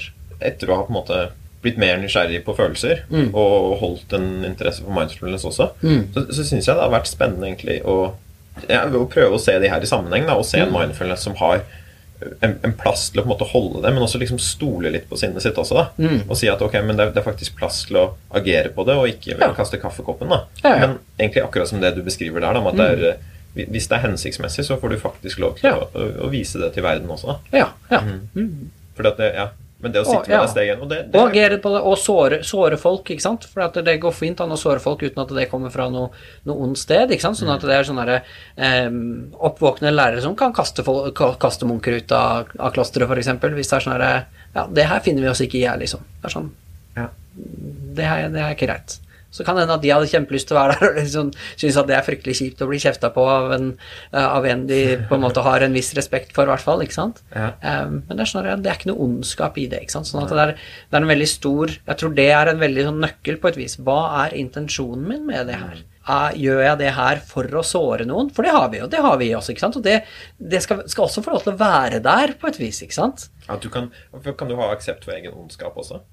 Ja, klart du kan ha det. Mm. At det er liksom sånn ah, Ok, det her er det. Nå kjenner jeg at jeg har det. Nå, nå har hun såra meg så mange ganger. Jeg har lyst Jeg har lyst Jeg har, kjenner på det her. Jeg har lyst til å bare stikke henne tilbake på et vis. ikke sant? Mm. Det er der. Sånn er det å være menneske. Mm. Det betyr ikke at vi må handle på det. Det er mest sannsynlig klokest å ikke gjøre det. ikke, sant. Um, ikke sant? Men at det skal få lov til å være der. For det er, det er en helt naturlig ting av det å være menneske. Så der vil jeg si at er det der, så er det mest oppvåknende man kan gjøre, mm. å anerkjenne at det er der. La det være der. Uh, kanskje ikke handle på det, eh, men å liksom kunne, kunne, la det være der. Kjenne på ok, hvordan føles det å ha det. Ja. Stort sett så føles det ikke så godt, de følelsene. Så man, man, brenner like mye seg selv som man brenner den andre. Eh, men ikke sant? Så det er jo mer den opplevelsen av at det her er ikke godt for meg. Ikke sant? Det er ikke godt for meg å gå rundt med å ha en liste over alle de som har såra meg i livet, og gå med en sånn grudge til alle de. Ikke sant? Det er en kjip tilværelse. Ikke sant? Så jeg gir slipp på det av hensyn til meg selv. Ikke sant? Av kjærlighet til meg selv så er det sånn herre ah, jeg, for det, det høres ut som det er en målsetning om at hvis du på en måte gjør det riktig og kommer til oppvåkenhet, så, så vil disse følelsene bare slippe på en måte litt av seg selv. Ja. Og, og som, som jeg tenker litt med mitt eget sinne, så syns jeg av og til at det føles ganske godt. Mm. Og, og, når jeg på en måte kan håndtere det riktig da, med å, mm. å få inn litt empati også i møte med andre, og kunne ja. holde de følelsene samtidig, mm. så opplever jeg at det også har en del sånn gode konsekvenser på hvordan jeg handler. Så ja. da er på en måte en sinne ikke noe som, som jeg tenker at det skal bli mindre av, uansett hvor langt jeg kommer på en oppvåkningsvei. da. Ja. Men kan man tenke seg at det fungerer på den måten òg? Hvorfor, skal, hvorfor ikke? Hvorfor ja, skulle man ikke kunne tenke det? Jeg skal definitivt ikke være noen sånn, sånn eh, kosmisk sensor som sier at nei, det får du ikke lov å tenke. Ja, for meg så høres det veldig naturlig ut. ikke sant? Mm. Og det er sånn her, Jeg tror ikke du har noe valg heller. At det er sånn her, hvorfor kom, Du kommer ikke til å gi slipp på det med mindre du uh, ser, ser, tydelig at det, det, her gjør meg mer vondt enn godt. Mm. Så det er bare sånn det helt naturlig er. Med en gang vi ser at det er, at det er som det er, ikke sant? Ja, og, og ja det, og, det, her er sånn som det er. For jeg opplever at det er noen som har en sånn formening om at livet først starter når vi kommer forbi dette. ikke sant? At, ja, da blir livet ganske kort for de aller fleste. ja, for det er jo utrolig synd da, hvis på en måte dette med spiritualitet og oppvingning på en måte skal komme, komme, i veien for at man liksom deltar i livet sitt fram til da. liksom At ja. her må jeg være på vent, og så må jeg holde på å gjøre masse greier, ja. og så kan jeg gå tilbake til livet når jeg først på en måte er mm. eh, ja, god nok for det. da Og det er først når alle de negative følelsene har gitt slipp, og at det er bare kjærlighet, og det er ikke mm. noe hat, og det er ikke noe dømming og sånne ting også. Ja, Og da er det ikke oppvåkning som kommer i veien for det, det er den misforståelsen om hva oppvåkning er, som Bra. står i veien for det. Du var inne på litt en stund dette her med bevissthet, mm. og, og, der hørtes det ut som at du egentlig snakket litt om at det kanskje har endret ditt syn på hvordan hva det er for noe, mm. og hvordan det fungerer. Og snakket litt i stad om, om, på en måte meditasjon, eller det å på en måte ha, ha holdt på med det og vært i Thailand, som har endret liksom din opplevelse av verden, og det høres ut som det har litt. Mm. Har det også endret ideene dine om når du tenker på, på hva som er sant om ting? Og f.eks. dette her med bevissthet? Det har det helt sikkert. Um, sikkert mange av ideene mine som er Men altså, det gjør det for alle ideene. De er foranderlige greier. ja. uh, så, så, så, så, det har det uten tvil. Men det, nok, uh, men det har skjedd ganske sånn drastiske endringer i en del av det. Mm. Og jeg tror det kanskje en sånn en vesens, vesentlige greia går ikke på innholdet i ideene, men hvordan jeg holder ideene, på et vis. ikke sant? Så mm. det har blitt en mye større sånn åpenhet i meg, og en ydmykhet i meg, og en raushet, på et vis, da, mm. og en evne til å kunne lytte og mm. eh, ikke på død og liv skulle ha rett selv, eller yes. eh, og, så, så, så, jeg holder ideene mine mye mer som, som tentative forståelser av hvordan ting henger sammen. Da. Mm. Uh, og, så, så som, er, som, er, sinnssykt deilig å slippe å holde seg så jævla fast i det. ikke sant? Mm. Hvor det der er Hvor det sørger for null vekst og og masse lidelse, da. For da er det liksom sånn herre Ja, hvis noen kan fortelle meg hvordan noen av ideene mine er feil, så er jo det bare bra for meg, på et vis. For det er sånn herre Ja, ok, da kommer jeg et skritt videre der, og så blir ideene mine eh, litt bedre tilpassa eh, verden og sånn som, sånn som, ting er, da. Og der tenker jeg, der er det jo nesten som jeg tenker at det høres litt ut som en productivity hack. Ikke at det er målet i seg selv, da, men at det er en konsekvens ja. av det. Jeg, jeg tror for de fleste så, så er sann meditasjon virkelig en productivity hack? Men det kan godt hende at det tar en veldig veldig annen retning enn det man ser for seg. Yes. Så jeg at det er sånn ja, jeg er på vei mot Forbes 500, eh, og jeg tror at hvis jeg bare, hvis jeg bare kan sove eh, fire timer mindre og ikke uroe med det her, så da skal jeg komme dit. Det kan godt hende at når jeg kommer dit, så er det sånn her, så blir jeg himla mye mer produktiv, men det kan gå hende jeg raser nedover på den lista. ikke bry meg om den, ikke sant. Så, um, så, så, jeg tror alle de her ideene om hva vi, hva vi vil få ut av det, uh, de endrer seg uh, underveis, da, på et vis, ikke sant. Uh, men jeg tror uten tvil om at vi blir mer produktive. Vi blir for det, frigjør en hel masse kapasitet. Og så kan det godt hende at det tar en stund før vi kommer dit. For å si at hvis, hvis ja, okay, jeg, har, jeg, har, en hel masse ubearbeida dritt i kjelleren min, på et vis, og så har jeg hatt en måte å forholde meg til det som gjør at jeg fungerer ganske bra i, i, livet. Jeg holder alt det der nede, og så mm. eh, drikker jeg litt grann for å holde det nede. Jeg eh, løper, løper, og holder meg opptatt hele tiden. Jeg blir utbrent noen ganger, og mm. når det er det, så går jeg i kjelleren litt, og så er jeg tilbake etter et par måneder. Men det er sånn at jeg funker da, ikke sant. Jeg har en familie, jeg har en jobb, jeg har en bra karriere, jeg har alt det der. Um, så kan det godt hende at når man begynner å meditere, og man man åpner kjellerlemmen på et vis, og det der kommer ut, så kan det godt hende at det blir en lang periode hvor man definitivt er mye mindre produktiv enn det man har vært, i hvert fall i den, på den veien, da. ikke sant? Jeg vil si at det er en produktivitet der, men det, er, eh, det har tatt en helt annen retning. Nå er plutselig den produktiviteten i retning av oppvåkning. Mm. Eh, ikke sant? Og så er det en ganske ekkel vei dit, på et vis. ikke sant? Jeg må virkelig ned i den dalen hvor det er, hvor det er, hvor det er møkkete og kaldt og vått og alt mulig, på et vis. ikke sant? Men nå er jeg i hvert fall på vei i retning eh, på vei i den retningen. Før så var jeg bare på re, uh, retningen min var på en måte Forbes 500 og døden, da, ikke sant? Mm. så uh, det er liksom uh, Kanskje. Det kan godt hende at jeg, liksom, jeg virkelig blir utbrent, og så mister jeg jobben, og, ikke sant? så vi vet ikke helt hva som ligger på den, men det er sånn derre mm. Det er ikke det, for det er sånn derre Alle veier til oppvåkning går gjennom meg. Ja. Ikke sant? Gå gjennom det som Det hva enn der jeg må igjennom. Da, og du kommer til å endre dine mål på veien, eller det er stor sannsynlighet for det høres det i hvert fall om. det. Ja, Fordi at produktivitet snakkes jo ofte om som hvordan kan jeg bli mer effektivt mot mitt nåværende mål. Ja, og der ja. kan det hende at meditasjon kommer til å eh, feile der, ordentlig, da, fordi at du endrer helt forretningen. Der tenker jeg det kommer veldig veldig, veldig an på hva det opprinnelige målet er. Noen ganger så er det målet veldig kompatibelt med sånn man mest sannsynlig blir mm. eh, når, man, når man har blitt kjent med seg selv, og noen ganger så er det veldig inkompatibelt med det.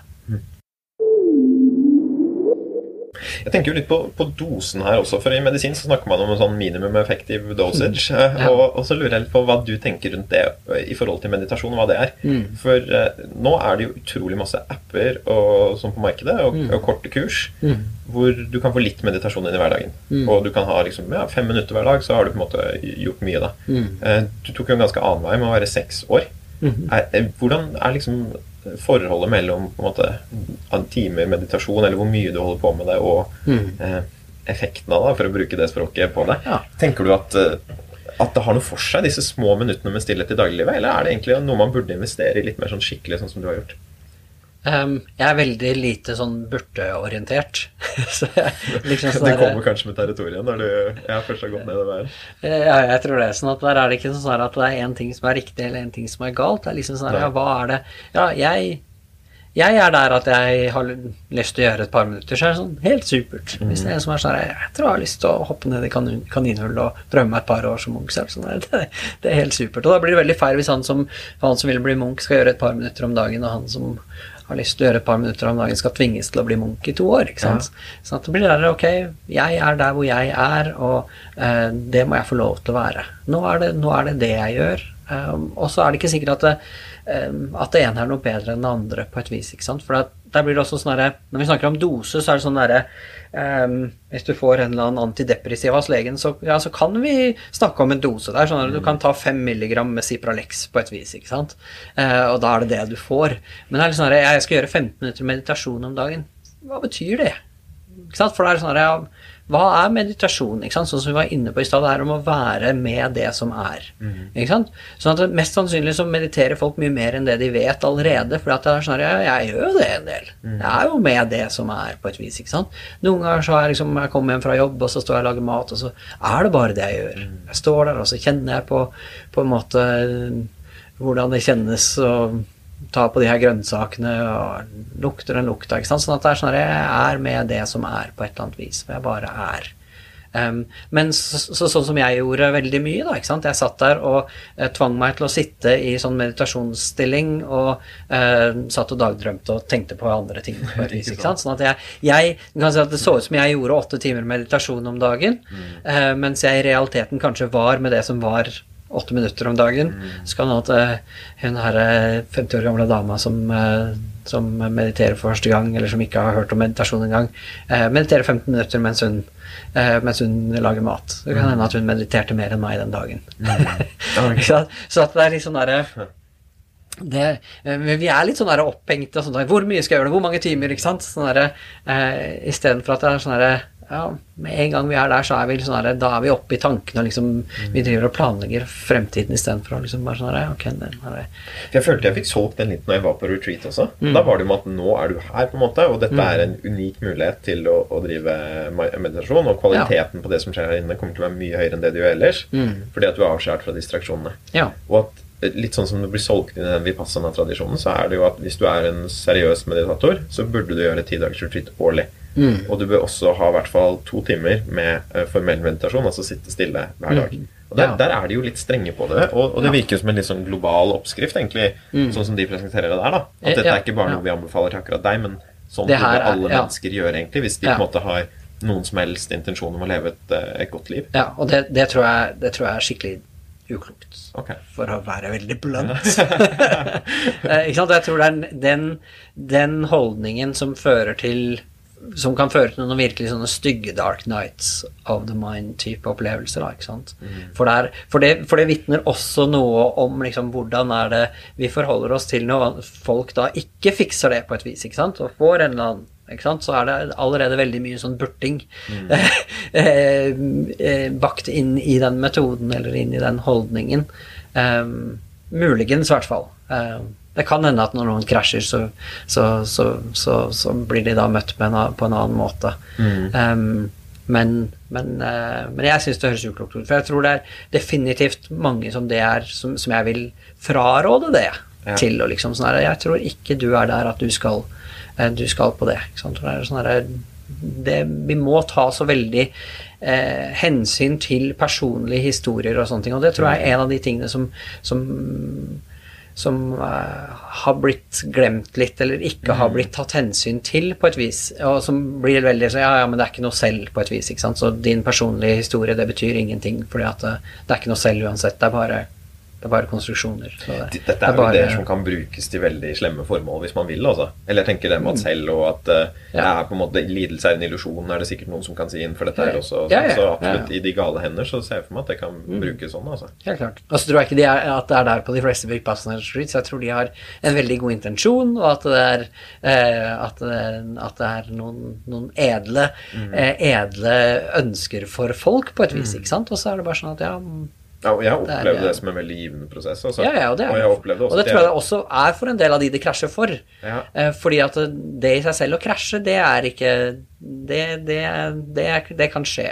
Og det er en sånn ting som det skjer når man er på meditasjonsretreat, det skjer når man begynner i terapi, eh, det skjer når man får et slag på trynet i livet av, av ting, ikke sant. Så det er jo mer det der ok, hvordan er det jeg møter det, hvordan er det det blir møtt når jeg har krasja. For det høres ut som man, det kan være litt ønskelig av og til også. I hvert fall hvis det er sånn som du sier om at vi, hvis vi går et liv da, og bare dytter ting ned, Mm. og velger å ikke forholde oss til vet ikke, erfaringer eller følelser som vi på en måte eh, ikke er så hjelpsomme da, i en, eh, en travel hverdag, liksom, Mm. så kan jo det å krasje være akkurat det at du kommer i kontakt med det, og at du Ja. faktisk legger merke til hva som er der. Og det Ja. høres ut som et steg for en endring også. da. Helt klart. Veldig ofte så er det der hvor snuplassen er.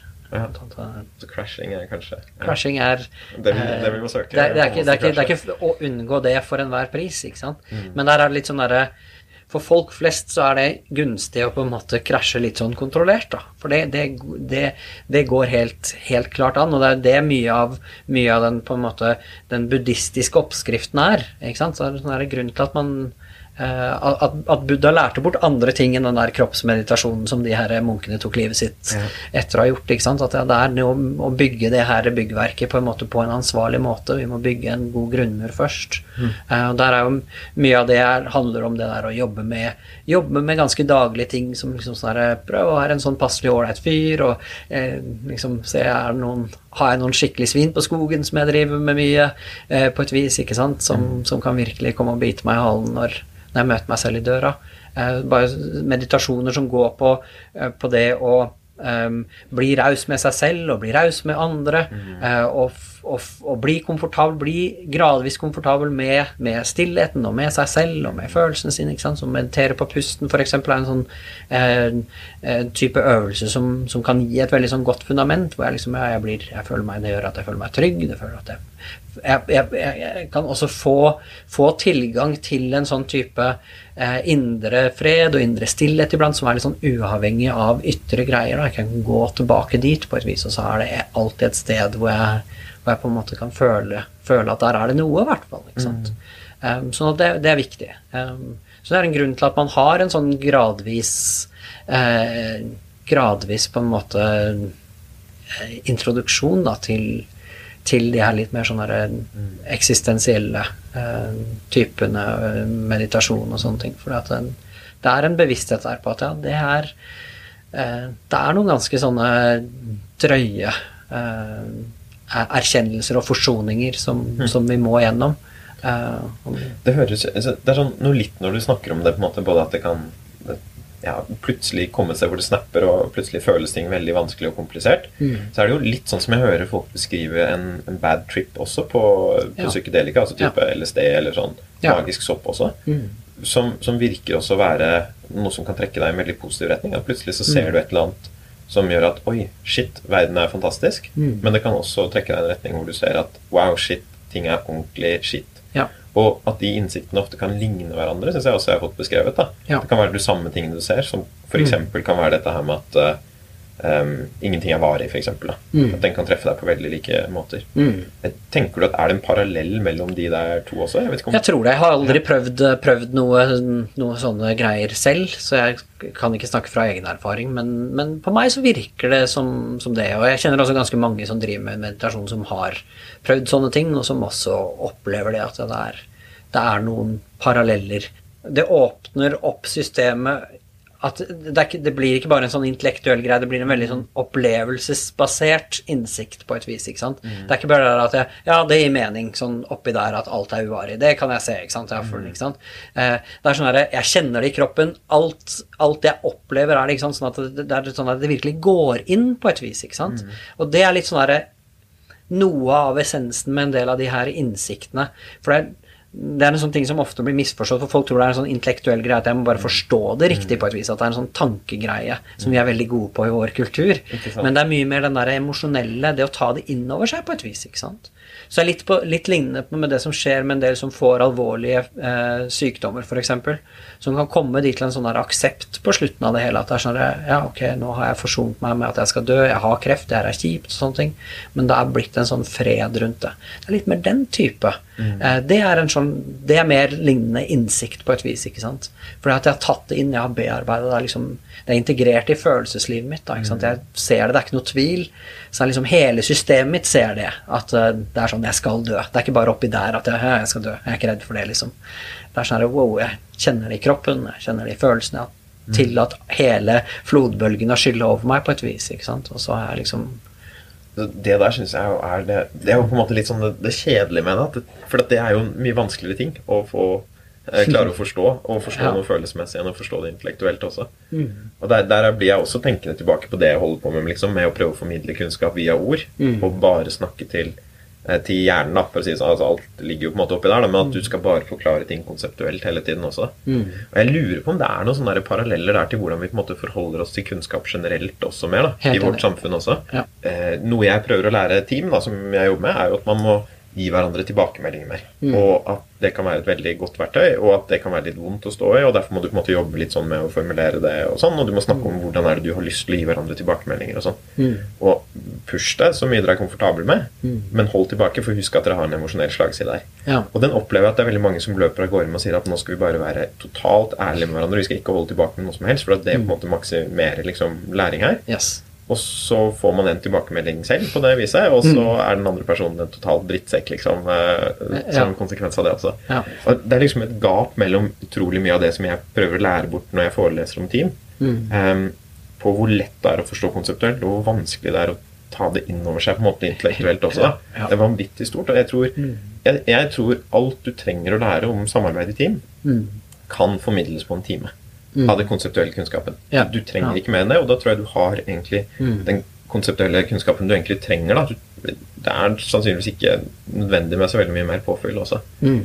Og så må du på en måte på en eller annen måte klare å kna det inn i deg selv. da. Yes. Og der tror jeg vi har ganske lite verktøy i eh, ja, Hvis jeg kan si liksom så bredt, av det vestlige utdanningssystemet da, for hvordan man faktisk Yes. gjør de tingene der. Ja. Og, og tror du det er noe vi kan lære når, du, når vi tenker på liksom mer skolen generelt da, i, i, i Vesten, fra disse her tradisjonene som har et mer fokus på at du skal forstå ting på et emosjonelt nivå? Ja, helt, eh, helt udiskutabelt. Og jeg tror kanskje enda bredere enn bare det med emosjonelt nivå, men liksom forstå ting på et praktisk nivå på et vis. ikke sant? Ta det ned fra, fra de der tankeslottene oppi hodet.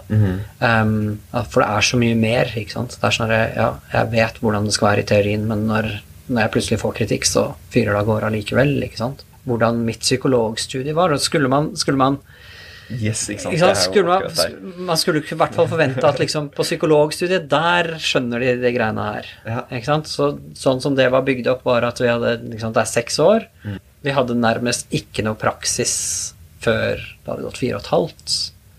Ikke sant? Og det er sånne ting som bare er så selvfølgelig når vi snakker om det, og alle vet det på et vis. ikke sant? At ja, kunnskap den fester seg på en mye bedre måte hvis man får drive på med det samtidig. og um, Og at det er et stort gap mellom praksis og teori. ja, også. ja, det, ja. Jeg tipper det er Helt et klart. gigantisk gap når det kommer til å være ja, ja, terapeut. ja, ikke sant? Sånn at det er ikke uten grunn at de fleste som går ut av profesjonsstudiet, de føler seg ikke klare til jobben. ikke sant? Ja. Um, det er sånn at, ja, det er ikke så rart, det. For, for vi har fått ganske lite praktisk trening i det her. Og det har vært, vært teori som har vært relativt eh, praksisfjernt på et vis, ikke sant? Og, og jeg, jeg vil tro at når det er sånn på psykologstudiet, i hvert fall det var min opplevelse, jeg vet at det ikke er bare min opplevelse, men eh, det er ikke sikkert at alle kjenner seg igjen i det, og eh, det er ikke sikkert at alle studiesteder er sånn, men jeg vil tro at hvis det finnes i hvert fall ett psykologisk fakultet i den vestlige verden som er det sånn, så er det ganske utbredt. For at det er sånn der, der burde man i hvert fall eh, hvert fall på en måte ha mye mer bevissthet på det her, og at det, ja, det handler om veldig mye mer om bare den teoretiske forståelsen av ting. Jeg, jeg tror det beste sånn, eksempelet som jeg har hatt på, på en opplevelsesbasert læringsform, kom i Forsvaret når jeg gikk befalsskole. Mhm. For der er det en del av de samme tingene som jeg har på pensum nå når jeg, jeg Ja. foreleser på NHH, som, som vi fikk der. Mm. Og, og der er det jo nesten en litt sånn akademia forakt, opplevde jeg da. Ja. eh, Blant en del. Og Ja. den var kanskje ikke helt dum, tror jeg. Altså, det, det, jeg tror absolutt at det er en del bra ting som kommer fra akademia, og jeg Mm. tror det er å ha på en måte en forskningsbasert tilnærming til ledelse og samarbeid er, er veldig fin. Ja. Men jeg tror ikke det kan erstatte det vi fikk der, da, som var Mm. å, å, hoppe rundt ute i skogen Mm. og prøve og feile. Ja. Og eh, kombinere det med refleksjon på hvordan det funket. Mm. ja, det er veldig interessant at du sier jeg har sånn lignende opplevelser som jeg ikke har vært i militæret. Men det var sånn en, en, når jeg begynte på studiet, så var det sånn mange av de på, eh, i kullet mitt som hadde veldig lyst til å lære meditasjon og sånn. Ja. Eh, Så, så de liksom prøvde å organisere det, og vi spurte fakultetet om liksom, er det noe, kan, vi, kan vi låne rom utenfor tid. Og de var sånn her Nei, det, det får vi ikke til, liksom. Okay. Men vi fikk et sånn lite grupperom da, som var mye mindre. Det var liksom kanskje halvparten av det rommet her. Her Eh, din, Så liksom. det 17 stykker, på en måte. Så vi hadde en halv kvadratmeter hver. Det var det vi kunne få der. Ja. Selv om det er sånn Selv om det, de, det var mange som visste at ok, her er det en dude som har vært buddhistmunk, liksom, og mindfulness, det var jo dritpopulært. Det var nesten, det var ikke, ikke en forelesning uten at det ble nevnt, på et vis. Okay. Så det var, sånn, det var ikke en sånn motstand egentlig mot det. Mm. Men det var liksom sånn her, ok, her er det noen som prøver å organisere noe sånn praktisk, så, så, så Nei, det, det kunne de ikke hjelpe til med å tilrettelegge. Og så ble em, Var det en fyr på var det Sjøk, Sjøkrigsskolen, er det ikke det det heter? Mm.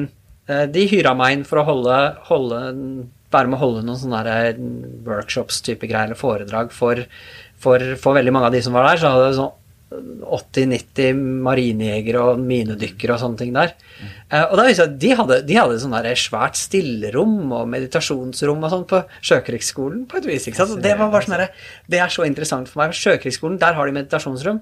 Psykologisk fakultet, der, der, der, der kan de ikke få lov til å låne en forelesningssal for å gjøre det en gang på et vis. ikke sant? Og det er på en måte helt fjernt. Ja, det er så rart. Men at jeg tror der er det en profesjon da, i Forsvaret som erfarer at rommet mellom teori og praksis Yes. er, er svært. Og Ja. Du ser det på slagmarken da, hvis du på en måte har Ja. fokusert feil der også. Så jeg tror der Ja. er det enn at du får en litt sånn umiddelbar tilbakemelding da, når Yes. du er i strid om Ja. hva som faktisk lønner seg også. Mm. Så jeg skjønner at det blir på en måte en praktikertradisjon ut av det der greiene der også. Mm.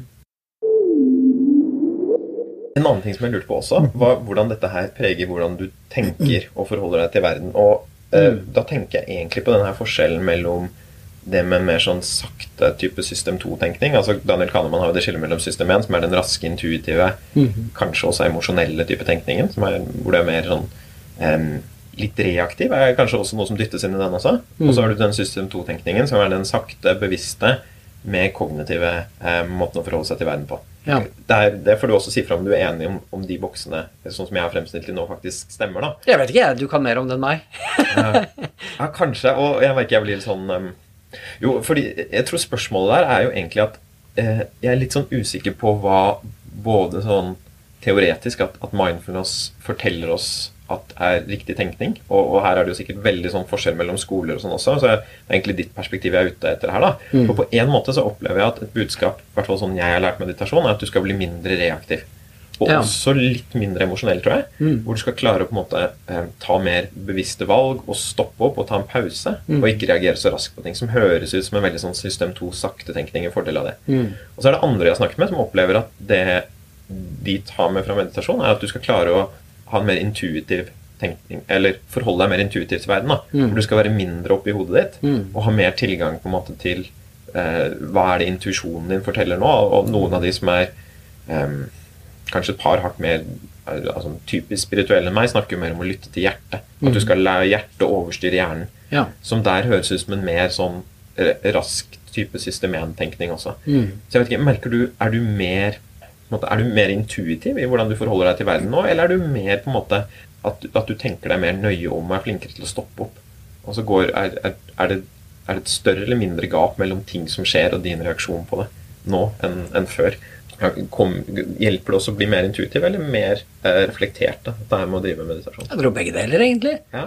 Um, det, har det, ja, det har definitivt gjort meg Det har nok gjort meg mer intuitiv, og nå har vi ikke definert helt hva det, hva det betyr, men det jeg legger i det, er at systemet mitt kan komme opp med gunstige responser på, på noe som er litt sånn diffust, eller som den tar inn informasjon fra veldig mange steder, og hvor, hvor det ikke nødvendigvis har gått gjennom en sånn der, eh, logisk prosess i, i, i det rasjonelle på et vis. Sånn derre eh, A, derfor B, derfor C type ting.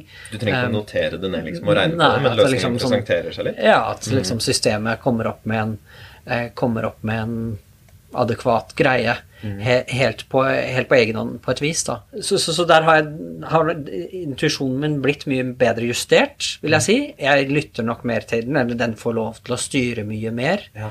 Men jeg vil også si at det har gjort meg veldig mye mer reflektert. sånn at det, det sånn jeg- Når jeg bruker tankene mine, så er de mye mer ikke så, ikke så tro, liksom, Det er en mye renere prosess, da. For jeg tror det som skjer veldig mye når vi ikke anerkjenner følelsene våre, så, så, så, så er det ikke sånn at de slutter å styre showet. De bare er litt som Putin på et vis, ikke sant, som sitter i bakgrunnen og later som han ikke styrer Russland, og så trekker, trekker i trådene på et vis, ikke sant. For det er sånn herre Vi er jo ikke rasjonelle. Det er sånn herre Jeg vet jeg burde slutta å snuse, men det er sånn herre Så er det et eller annet som skjer, og så wow, jeg har begynt å snuse igjen, liksom. Sånn herre Mm. Det var jo ikke fordi at jeg ah, Ok, jeg tenkte meg frem til det er, det er faktisk det lureste jeg kan gjøre. Mm. Ikke sant? At det er sånn herre Følelsene våre de driver hele tiden og trikser og mikser med tankene våre, og det vet vi jo når vi virkelig vil et eller annet, men vi prøver å stoppe oss, så er, så er, så er tankene våre så sinnssykt slue. ikke sant? De kan komme opp med alle mulige slags rare forklaringer på hvorfor vi burde hvorfor vi, hvorfor vi bare burde snuse nå, eller hvorfor vi burde burde gjøre det der, eller hvorfor vi burde spise litt til, eller hva enn det er. ikke sant? Eh, og det er ikke fordi at det er det rasjonelle i det som på en måte kommer til konklusjonen, det er fordi at følelsene sitter og trekker i trådene. ikke sant?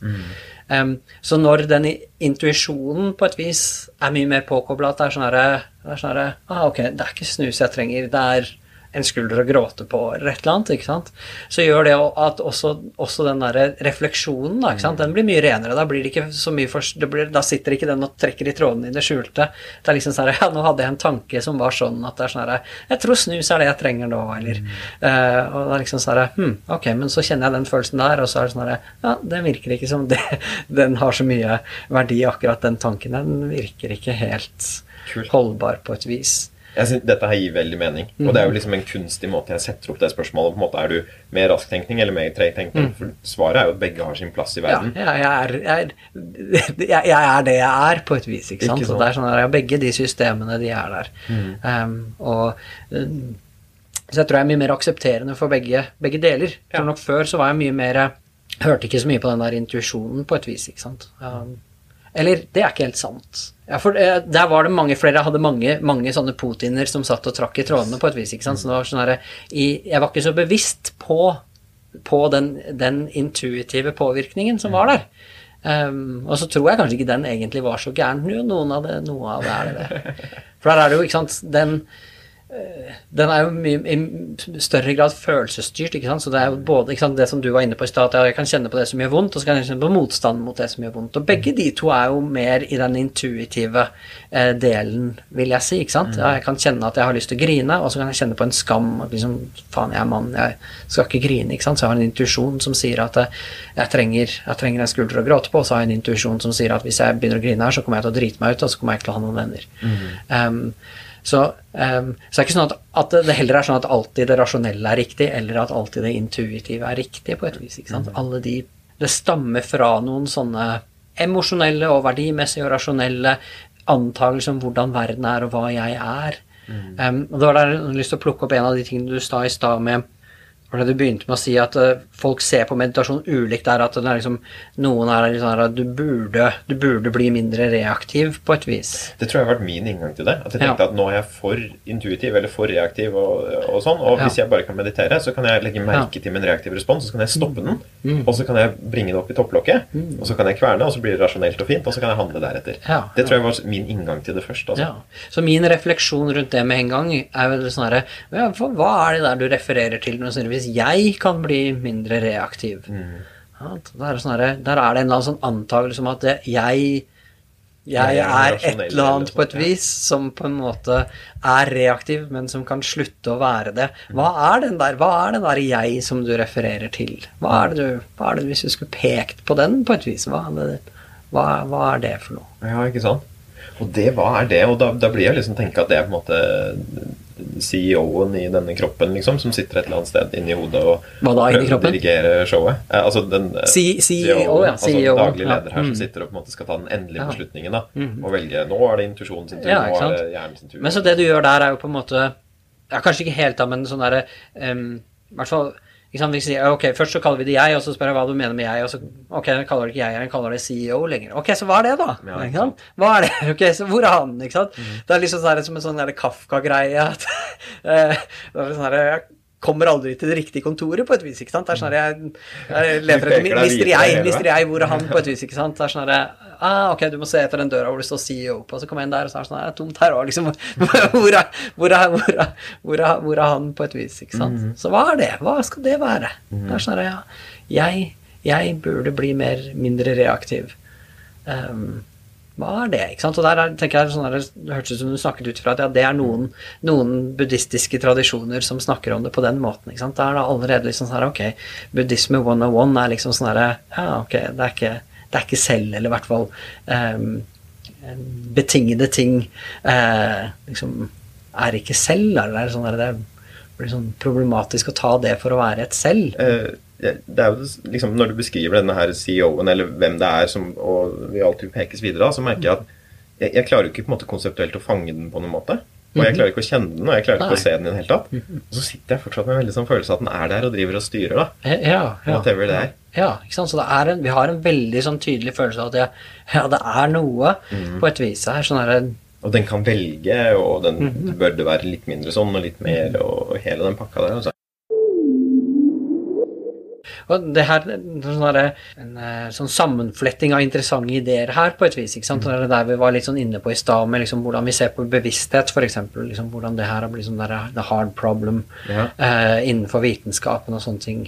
Um, og Har du en teori om bevissthet der, eller?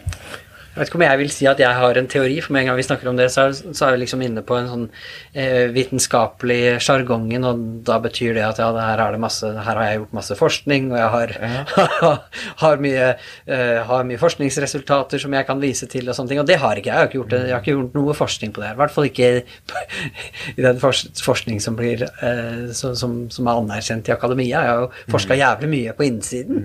ikke sant? Jeg har utforska, det er et spørsmål som jeg har brukt veldig veldig mange år av livet mitt på, på å utforske, på et vis. ikke sant? Så om jeg, om, om jeg har en teori eh, Jeg har noen tanker rundt det. Jeg har noen, har noen opplevelser på en måte som, som eh, som, som for meg belyser det spørsmålet veldig. Og jeg har noen refleksjoner som jeg tror er veldig det er ganske mange som begynner å gjøre seg de refleksjonene, hvor jeg i hvert fall håper at det er litt sånn paradigmeskifte. Både i sånn mer sånn vitenskapelige tradisjoner, men også sånn i kulturen vår. Men kanskje også i sånne i eh, mange åndelige, eh, eller de som identifiserer seg med åndelige. Det har jo, jeg- åndelig er kanskje ikke en sånn ord som jeg har brukt om meg selv, men buddhist i hvert fall. Det er en sånn ting som jeg har kalt meg. Men hvor jeg, hvor, jeg skjønner nå at det er sånn her Jeg vet ikke om jeg egentlig har hatt en virkelig en buddhistisk forståelse av verden eh, noen gang, eller i hvert fall kanskje inntil relativt nylig, da. Ok. Em, på, på, på nettopp de her spørsmålene her. Bevissthet og liksom hvordan er det vi forstår verden. Eh, Så egentlig ganske sånn grunnleggende vitenskapsfilosofiske spørsmål. Ikke sant? Sånn her, hva, hva er verden, og hvordan er det vi kan få kunnskap om verden, liksom. Og det, og det er jo, Jeg har inntrykk av at det er en del altså, av de som på en måte ser på bevissthet, kanskje jo også fra et sånn nevroforskningsperspektiv, men særlig filosofer, da, hvor det er en svingning hvor, hvor flere f.eks. er panpsykister. Og det er jo en ting som har kommet fra det, det var det jo hinduister som tenkte på dette her for ganske mange tusen år siden. De gamle Ja. grekerne var inne på det, som jeg tror også hadde et mye mer sånn førstehånds førstepersonsperspektiv da, på å utforske det også. Ja. Eh, og som andre også filosofer som har hatt opp igjennom, på en måte. Yes, han, det er ikke nye ideer. Nei, han, um, Schopenhauer og Bertrand Russell for eksempel, tror jeg begge var panpsykister også. Ja. Som er på en måte teorien om at bevissthet ikke er noe som oppstår når materie um, organiseres på en viss måte. da, F.eks. i en menneskehjerne. Det er jo lett å Mm. Tenke seg at det er på en måte at naturen der ute er dødt. på en måte, Materie er dødt. Det er ikke noe å være en, en stein for eksempel, eller et atom. Mm. Men når du får nok kompleksitet på det, og nok informasjonshåndtering, som på en måte består, eller oppstår bevissthet da, som et sånt Mm. um, resultat av det. liksom. Så du har materie satt sammen på en viss måte, og så får Ja. du bevissthet som en slags sånn output på det. Ja. Og så er det litt rart, fordi at det virker jo som materie ikke trenger noe bevissthet for å oppføre seg på noen som helst måte. Altså at du kan se for deg, Det, det er jo det som heter det zombie-problemet. At du kan se for deg mennesker som er satt sammen akkurat lik som oss, og som oppfører seg akkurat lik som oss, men så er det ikke noe å være dem.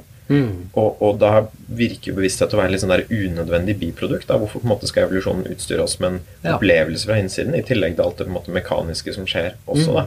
Mm. Som da på en måte eh, har motivert til å finne en annen teori, og hvor panpsykisme blant annet er en av dem også. Og det, Ja. det virker jo som en teori som også eh, kommer eh, lettere hos mange som har meditert mer også. Helt Så jeg vet ikke om det er en ja. sånn type tanke du har. Absolutt. Ja. He- Helt klart. For der, tror jeg, det er liksom en, bare sånn der, en sånn ting som man ikke har, stiller noe spørsmålstegn Det er bare sånn helt selvfølgelig at selvføl det her er den eneste rasjonelle måten å se verden på. At jeg sitter inni her, og så er verden ute, ute der, og er liksom en sånn objektiv ting som er helt uavhengig av, av meg, og hvor hvor alle forslag på at det liksom er noe annet, det blir bare avfeid som, som bare åpenbart liksom New Age-tull, eller bare en eller annen sånn herre 'du har røyka for mye sopp', eller Eh, Ikke sant? Sånn at det er en sånn veldig en veldig opplevelse hos veldig mange om at den teorien vi har om at verden er ute, den er vanntett, nærmest. Den har ingen problemer med seg, og den er sykt rasjonell. Og det er ikke noe irrasjonelt med den. Det er ikke noe rare, det er ikke noe rare konsekvenser av det, på et vis, mens de her andre greiene de er bare sykt fjerne og rare og gir ikke mening. Det er ingen vitenskapelige, eh, egentlig gode grunner for å ta det alvorlig. Da. Og det tror jeg er så vanvittig langt fra sannheten. Um, og det er bare um, men, men at det er at det er så mange, og at det er så mange utrolig intelligente mennesker, og at det er så mange så utrolig kunnskapsrike mennesker um, som, som, som, som, bare går ut ifra at det er sånn Det er, det er ganske sånn eh, veldig trist på en måte, og så er det ganske mind-boggling på en måte. Og så føles det også for meg ut som det er sånn der, en sånn po skikkelig potensial for en skikkelig sånn virkelig en god revolusjon da, i verden. ikke sant? Det er veldig mange revolusjoner som er, som er kjipe, og så blir de kanskje litt bedre etter hvert. Men, men her syns jeg at jeg ser at det, det kan være en sånn mulighet for en virkelig en sånn eh, holdnings- og atferdsendrende eh, revolusjon, på et vis. Nå er det jo helt sikkert eh, Nå vet jeg ikke hvem det er som lytter på din podkast, men mest sannsynlig så er det veldig mange som er sånn Hva faen er det de snakker om? Ja, liksom, nå skulle de ut i liksom kokoland. ja, nå er de sånn ok, det var greit å begynne med nå skrur nå, nå skru jeg av, liksom. Eh, Jeg skal ikke Ikke, ikke Men det, jeg har at dette er perspektiver som er mer og mer inn på mainstream også. Det, det Ja. syns jeg også. Og det var jeg, Men det er vel, for det er sånn der mainstream er mange ting, på et vis, ikke sant? Og så er det noen som sitter med litt sånn definisjonsmakten for hva som er rasjonelt. For det, ja, altså det er mange ting som er som er, som er eh, på en måte innad i, i andre perspektiver enn en sånn ren materialisme-greie, Ja. og som, som er fjernere enn det jeg vil eh, på en måte være klar for å kaste meg med på, ikke sant? Men det er sånn her, Åndenes makt går på TV, det er ganske mainstream på et vis. Det er liksom veldig mange som ser på Ja. eh, sånne type greier. Eh, ikke sant? Horoskop, det driver folk med hele tiden på et vis. ikke sant? Det er sånne der synske folk som har helsides annonser i Dagbladet VG og sånne ting. De koster flesk, så det må være noen som ringer til dem. Ikke sant? Så, så, så det er ikke det at, de, at, at, at, alle bare kjøper, kjøper den greia, at eh, sånn er det, og det vil si at alle mulige sånne greier eh, bare per definisjon ikke går an. Um, men, men, men det er ikke de som har definisjonsmakten, på et vis. eller sånn herre, eh, Det er ikke de som på en måte eh, avisene ringer som ekspertvitner, på et vis. ikke sant? Nei, jeg tror ikke- Går det er her an? Er det her liksom Men jeg tenker sånn eh, Philip Goff for eksempel, er en filosof som er ganske mainstream, som skriver veldig Ja. godt om pansekisme. Og jeg skal lenke den boka i shownotene til denne episoden også. så man kommer inn der. Ja. Men han er inntrykk av at er ganske høyt ansett, altså. Ja, ja, og det er ganske mange. Og det er sånn Roger Penrose er, er en annen som, som har en sånn versjon av panpsychism som han jobber med, og han eh, jobba sammen med Stephen Hawking og er en av verdens mest desidert mest anerkjente matematikere, liksom. Så, eh, så, så det er ganske mange, og det, det har det på et vis alltid vært. Det jo Jo, men det er faktisk sant, altså, at dette ikke er noe nytt, egentlig. Nei, nei, og det er sånn herre Det er eh, av, av, av liksom eh, moderne fysikere, av liksom Av mange av de her som eh, Kvantefysikkens eh, fedre, på et vis, ikke sant, så var de definitivt ikke eh, eh, de hadde utradisjonelle teorier. de hadde, også. ja, de var, eller var i hvert fall veldig åpne. De var ikke der at det er sånn at det her er ikke det her har vi løst, eller det her er sånn. Det, de er sånn her, ok, her er det noen ganske store problemer, da, ikke sant? Eh, og hvor, hvor jeg tror at, at, at der har kvantefysikk, og relativitetsteori også, men kanskje i enda større grad kvantefysikk, åpnet eh, en god del av akademia. Eh, og kanskje mer da naturvitenskapelig, og kanskje nærmere man kommer fysikk, eh, har åpnet for at liksom, ja, vi må se på verden litt annet. Og så tror jeg mye av resten av akademia henger mange mange, mange år etterpå. Vi er fortsatt litt sånn stuck i, i klassisk fysikk på et vis, og er komfortable med det. Ja, det kan jeg skjønne, at liksom alt har en årsak og virkning, og vi kan er veldig enkelt regne ut at hvis den biljardkula treffer sånn, så havner den i det hullet på et vis, ikke sant? Um, det er interessant at jeg vet det var noen som uh, noen som jobber en del innenfor de her feltene her, som sendte ut en sånn spørre, spørreundersøkelser til universiteter i USA, hvor, de, um, hvor det var spørsmål liksom, som gikk på åpenhet for, for utradisjonelle ideer, og, og eh, om det går an med tankeoverføring, om det fins liksom Jeg vet ikke helt hva slags spørsmål det var, men mye innenfor det som regnes som parapsykologi, da, ikke sant, med, med og, og liksom bare hvor spørsmål Tror du at det går an, eller Eh, hvor sannsynlig tror jeg, jeg vet ikke helt hvordan de gjorde det. Men det som er interessant, var at eh, folk flest tror at, det, at hvis de deler opp det etter, etter liksom fag, eller liksom arbeidsområder, da, så vil, vil jeg tro at de aller fleste tror at fysikere er de som er aller mest skeptiske. Enig, De de, vil være de høres sånn jordnære og ja, materialistiske ja, ut. og de, og de vet hvordan sin, verden er. De ja, vet at det her går ikke, for vis, ikke sant? De vet, vet bare at det, det, det funker ikke. Mm. Mens liksom, ja, det kan godt hende at liksom lærere eller psykologer, de er litt sånn, de er litt sånn out there på et vis, ikke sant? Mm. Men, men det viser det stikk motsatte. De, mest, de som er mest åpne, er fysikerne, og de som er mest skeptiske, er psykologene. Mm. Um, Ok, jeg skjønner. Ja. Ja, så, så, det, så flesteparten av psykologene er bare helt avvisende. Nei, det, det går ikke. Det fins ikke. Flesteparten av fysikerne er åpne. Eh, veldig mange så er det fortsatt innenfor det samme paradigmet at, eh, at vårt første prinsipp er at det er en objektiv verden der ute, eh, og vår bevissthet kanskje er at, at det er et produkt av, av hjernen, da, på et vis. Sant? Sånn at det er, tror jeg liksom det er at det er et hierarki i i naturen og i naturvitenskapen på en vis at fysikk er det mest grunnleggende, og så er liksom kjemi det, det blir liksom ett steg opp fra det. Um, hvor det er liksom ja, litt større prosesser, og så har du liksom biologi over der igjen, som er en enda mer sånn grovkornet på en måte forståelse av, og så har du psykologi over der igjen. Uh, og så er kanskje bevissthet på toppen, helt der som er liksom en sånn Langt unna. ikke sant? Skjønner. produkt, pro, øh, ikke sant? Kjemi er et produkt av fysikk, og biologi er et produkt av kjemi, og psykologi er et produkt av biologi, og bevisstheten er et øh, produkt av psykologi, på et vis. ikke sant? måte først i et veldig sånn spesifikt og snevert hjørne av naturen, Yes. egentlig, da, som Ja, er ja. Mm. eh, mennesker. Og, og jeg tenker jo det er jo en del sånn, sånn som Descartes eksempel, trodde at hunder ikke var bevisste og ikke kunne ha opplevelser, f.eks.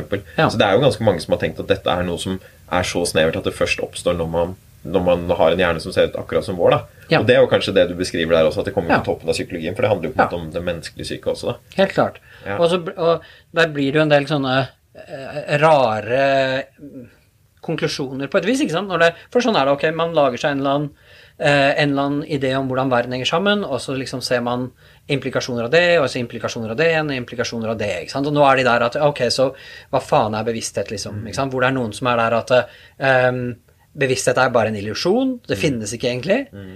hva, er, hva er det? Som om illusjon ikke er noe som finnes? Det er liksom eller, det, er, Ja, for det, da er, det er jo en sånn greie, det benektelse sånn av the hard problem også, på en måte. At det Ja, er ikke noe ja. problem å løse, er liksom. Hvis vi er bare forstår materie, så er det ferdig, liksom. Veldig anerkjente eh, filosofer og vitenskapsteoretikere som er der, ikke sant? Som er liksom sånn her, Det er ikke noe hard problem, for det er ikke noe bevissthet på et vis, ikke sant? Og så er det andre som er der sånn her Ja, nei, kanskje alle komplekse systemer er det, så, så liksom Ja, kanskje en kalkulator er jo det er kanskje litt bevisst. Ikke det, Ikke sånn som panpsychism på et vis, at det er liksom Ja, fordi at alt er bevisst, men det er, det er, det er noen Den gjør noen kalkulasjoner eller noe sånt. Ja, det er informasjonshåndtering, Ja, det er informasjonshåndtering, så det gjør den bevissthet, ikke sant? Så, det, så, så det blir liksom sånn herre eh, Når man trekker det ut, og man liksom spør ja, ok, hva mener du med, mener du med, hva mener du med det, så til slutt så er det sånn kommer de til noen sånn ganske sånn fjerne, rare konklusjoner om at eh, ja, nei, bevissthet finnes ikke, mm. for eksempel, ikke sant? Og det, ehm, det, det er sånn der Min opplevelse, sånn som jeg var inne på i stad, hvordan sånne tankelabyrinter vi kan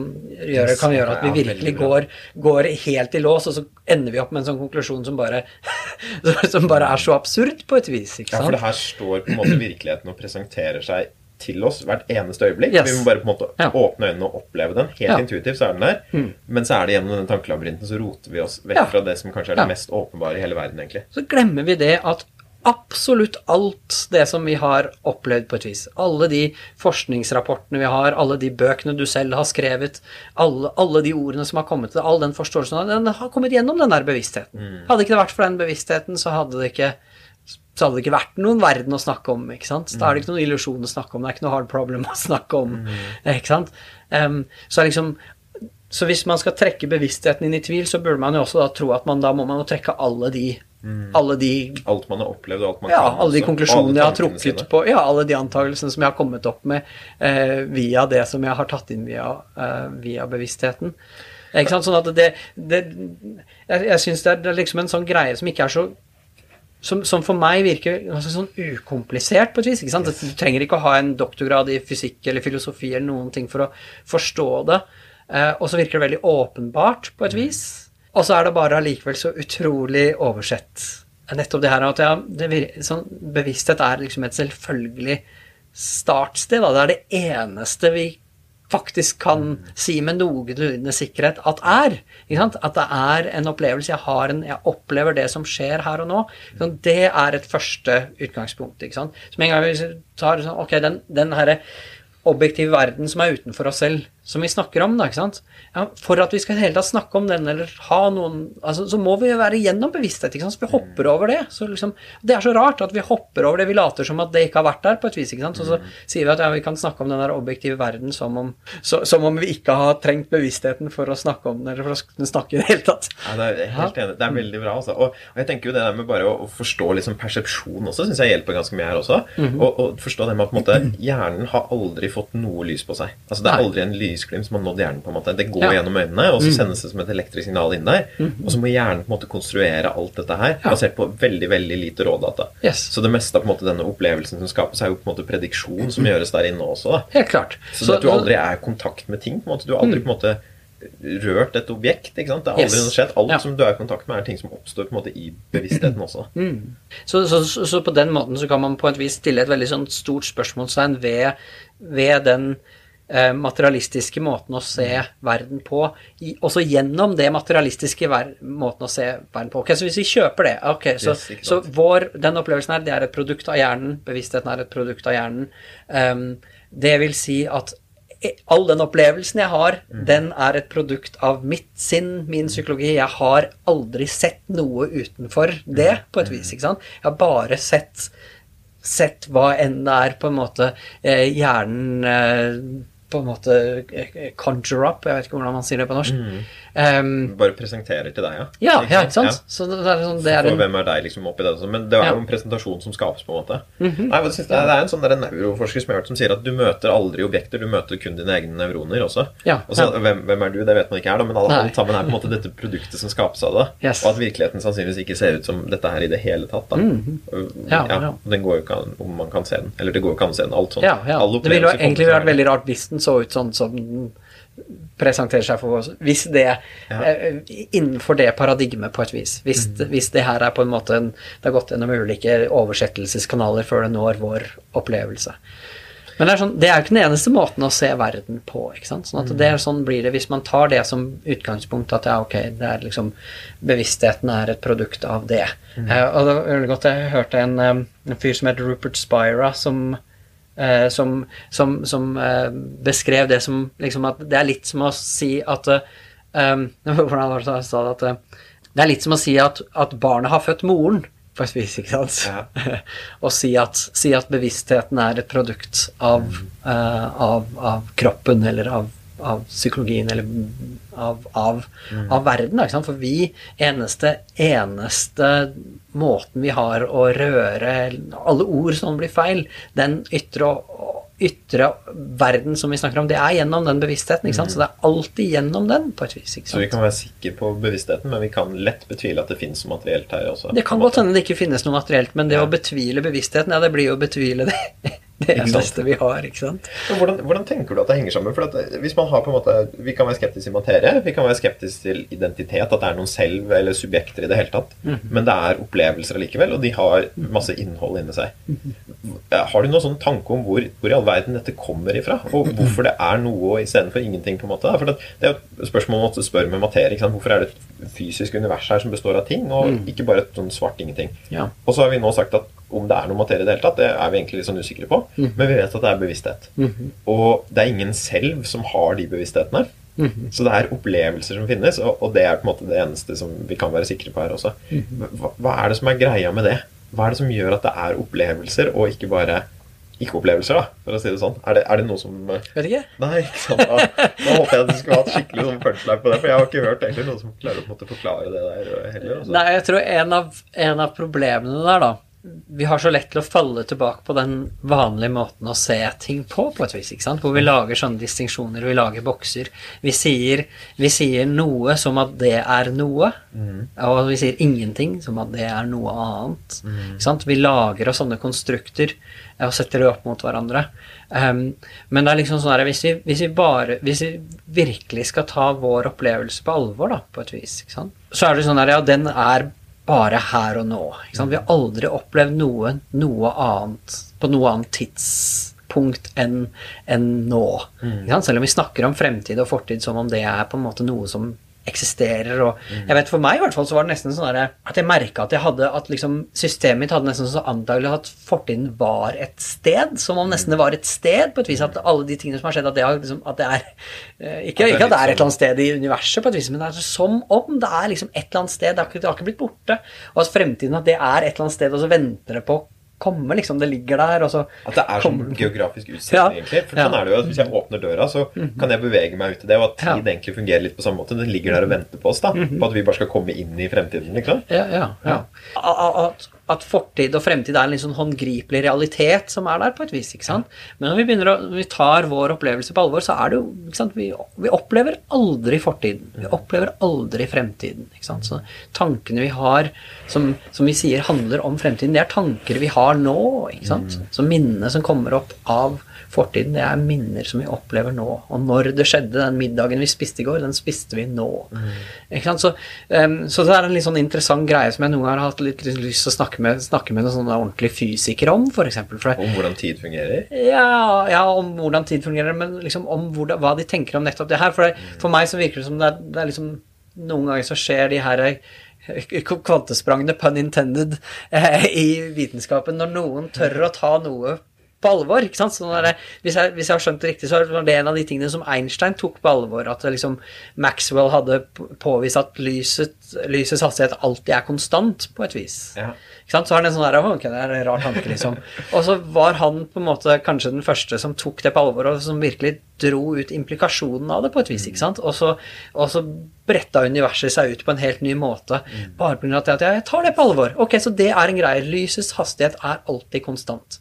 Ok, Så hvis jeg tar det som et, som et startsted, eh, hva skjer da med universet på et vis? ikke sant? Og så sitter vi, sitter vi her nå liksom 100 105 år senere eller noe sånt, eh, med en teori som fortsatt virker som den virkelig holder vann. Og som de fortsatt driver og tester, ikke sant. Og som det er sånn her, ja, nå, nå har de her eh, gravitasjonsbølgedetektorene vist at ja, Einstein var inne på noe der, ikke sant. Og han satt i lenestolen sin egentlig og drev sånn armchair philosophizing, egentlig, da. ja, med å ta ideer ja, på alvor, ja. Ja, ja, Og sitte der og eh, se for seg det her på et vis. Og der lurer jeg på om om det, så, om det, kan være en sånn greie med tid også. At, ok, hva, Hvis noen tar det virkelig på alvor at ja, nei, det, det, å snakke om fortid og fremtid, det er, det er, en eller annen konstruksjon vi har laget. Hva hvis vi Ok, mm. all tid, det er nå. Det er ikke en Det er, er ikke, en, det ikke på en sånn akse mellom fortid og fremtid på et vis. Veldig kul tanke å se hva som skjer da. Altså. Og jeg syns tid er utrolig vanskelig. Jeg klarer ikke å skjønne meg på det. Jeg har prøvd liksom mm. også å lese For det er jo noen fysikere som har skrevet om det, sånn som Hawking f.eks. har jo den boken mm. A Brief History of Time, ja. hvor han skal prøve å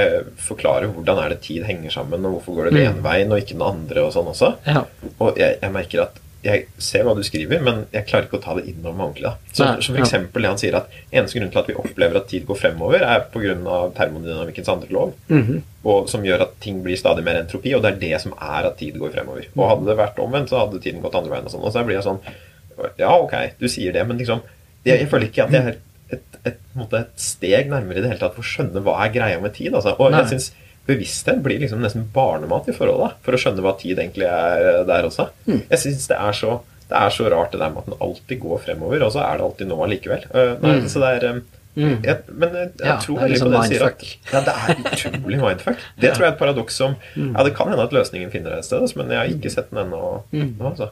Det er, ikke sant, for Måten vi kom dit på, var, var i det her hva, Hvorfor er det noe og ikke ingenting, på et vis, ikke sant? Mm. som også er ja, det er sånne konstrukter vi har. Vi har liksom en idé om at noe er noe, at vi putter det inn i en boks. Og ja. der er liksom på samme måte med tid, da, ikke sant. At det, er, det er et eller annet sånn konstrukt vi har laget oss liksom, med fortiden og fortid og fremtid. Vi kaller det det vis. Selv om, selv om, alt det vi opplever, er nå.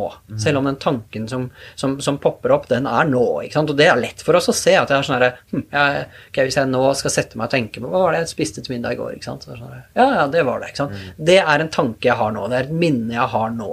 Det var ingenting i den opplevelsen der som var noe annet eh, var noe annet enn nå. Og, og, og der tror jeg også vi kan se det med sånn som vi var inne på i med liksom at Hvor er det? Hvor er jeg? På et vis. ikke sant? Sånn at det er lokasjon. Det er jo også en sånn ting som er Ja, det er jo avhengig av at, at vår opplevelse på en måte vi har vi ser den på den måten her at ja, det er en, det er en objektiv verden der ute eh, som gjør at ja, den stolen står der og ikke der. Eh, og, og at, at det, det, er, det er sånn på et vis, ikke sant?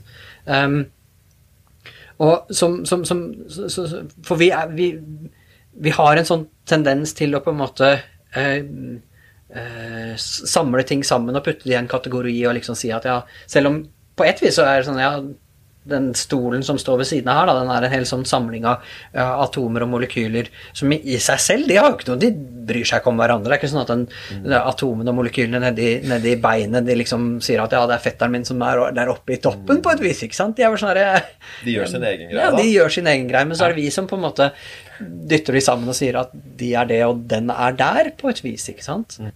Men, men så, så, så, hvis vi bare virkelig går til opplevelsen vår, da ja, hvis vi virkelig går til opplevelsen vår og um, tar det på alvor At ja, ok, så, så, så, så det, er det, det er det som er. Det er det her, på et vis.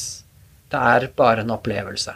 Og når jeg begynner å referere til meg og lokalisere meg inni her, så er det en, det er en tanke eller en slags mental eh, antagelse som skjer. ikke sant? Så det er igjen en sånn, der, en sånn, der, en sånn innskrenkning av ting, og så setter vi et merkelapp på det. Mm. ikke sant? Men så hvis vi skal bare se det også, hvis vi bare skal være med alt som er, ikke sant? og ikke bli med på noen av de der eh, forsøkene som, eh, som, systemet vårt har med å liksom fange oss inn i, en eller annen sånn der struktur, så, um, så, så, så, blir det jo på et vis Da, sånn, da kommer vi inn i en sånn der tidløshet for tiden den, den, den, liksom, den, oppstår nesten egentlig bare når vi begynner å tenke på det. Når vi ikke tenker på det, så er det liksom sånn ja, Hvor er tiden da, på et vis? ikke sant? Det er sånn ja, kommer, Hvor lenge er det jeg har sittet her, egentlig? Hvor er det lenge vi har prata nå? ikke sant? Ja, og klokken sånn jo hvert sekund når man ser på den, liksom. også. Ja, ja ikke sant. Mm. Når man virkelig er inne i et eller annet, så er det ikke sånn at man er der og at liksom at man er bevisst på det på den samme måten, ikke sant? og så begynner man å tenke på det, og så er man inni det igjen. Mm.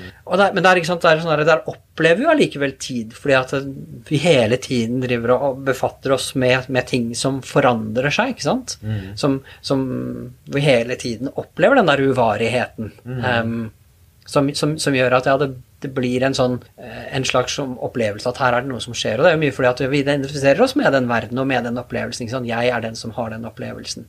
Mens den her bevisstheten i seg selv, da, bare det som, det som alt det der skjer i, mm. ja, den er sånn derre ja, den, den, den, bryr seg jo filla på en måte om det, er, mm. om, det er, om det er varmt eller kaldt, eller om det er noe langt eller kort. Som, og den er ganske konstant også, som er fascinerende med det også. Yes, at på en måte det rommet ja. hvor ting oppstår, ja, ser ut til å være ja. identisk med seg selv hvert eneste øyeblikk også. Ja, ja, ja ikke sant. Så, så for, for, at vi skal på en måte begynne å si at det er noen distinksjoner i det, så må vi henvise til noen av de tingene som er i bevisstheten. ikke sant? Mm. I bevisstheten i seg selv så er ikke de der distinksjonene. Sånn at det er sånn herre Ok, mm. er bevisstheten min noe annerledes enn det den var når jeg var tre år, på et vis? ikke sant? Mm. Eller er den noe annerledes fra, fra øyeblikk til øyeblikk? Mm. Så er det liksom sånn herre Bevissthet kan kan ikke være noe annerledes. Sånn, den er på en måte bare det den er. Det er bare en sånn Nei, det, for det er, og Vi kan sette merkelapp på det, men det gjør kanskje ikke så mye med det. Men, men det er jo mulig for jeg tenker å, å, sitte og kjenne på hva er bevisstheten, og, og mm. du kan klare å se at ok, det er en bevissthet som på en måte ligger der, og så er det masse innhold som oppstår i den. Ja. Og Jeg, jeg syns jo det er fascinerende å kjenne f.eks. når jeg blir trøtt. Så merker jeg at bevisstheten min blir jo ikke mer uklar den blir jo på en måte ikke søvnig. Den ja. ligger der like tydelig. Innholdet i bevisstheten blir, uh, yes. blir diffust på et vis, ikke sant. Mm -hmm. Så innholdet i bevisstheten, uh, ja, det kan vi si mye om, og det er annerledes. Ja, jeg tenker annerledes nå enn jeg, var, jeg gjorde da jeg var tre år, men sånn bevissthet i seg selv, da, mm -hmm. det, er, det er uten, uten de her distinksjonene. Det er bare det rommet som som, som, som, som, de her tingene yes. oppstår og blir borte på et vis. ikke sant? Og det, det, åpner jo da, for å trekke det enda lenger ut, mm -hmm. for en litt sånn eh, liten versjon av reinkarnasjon også.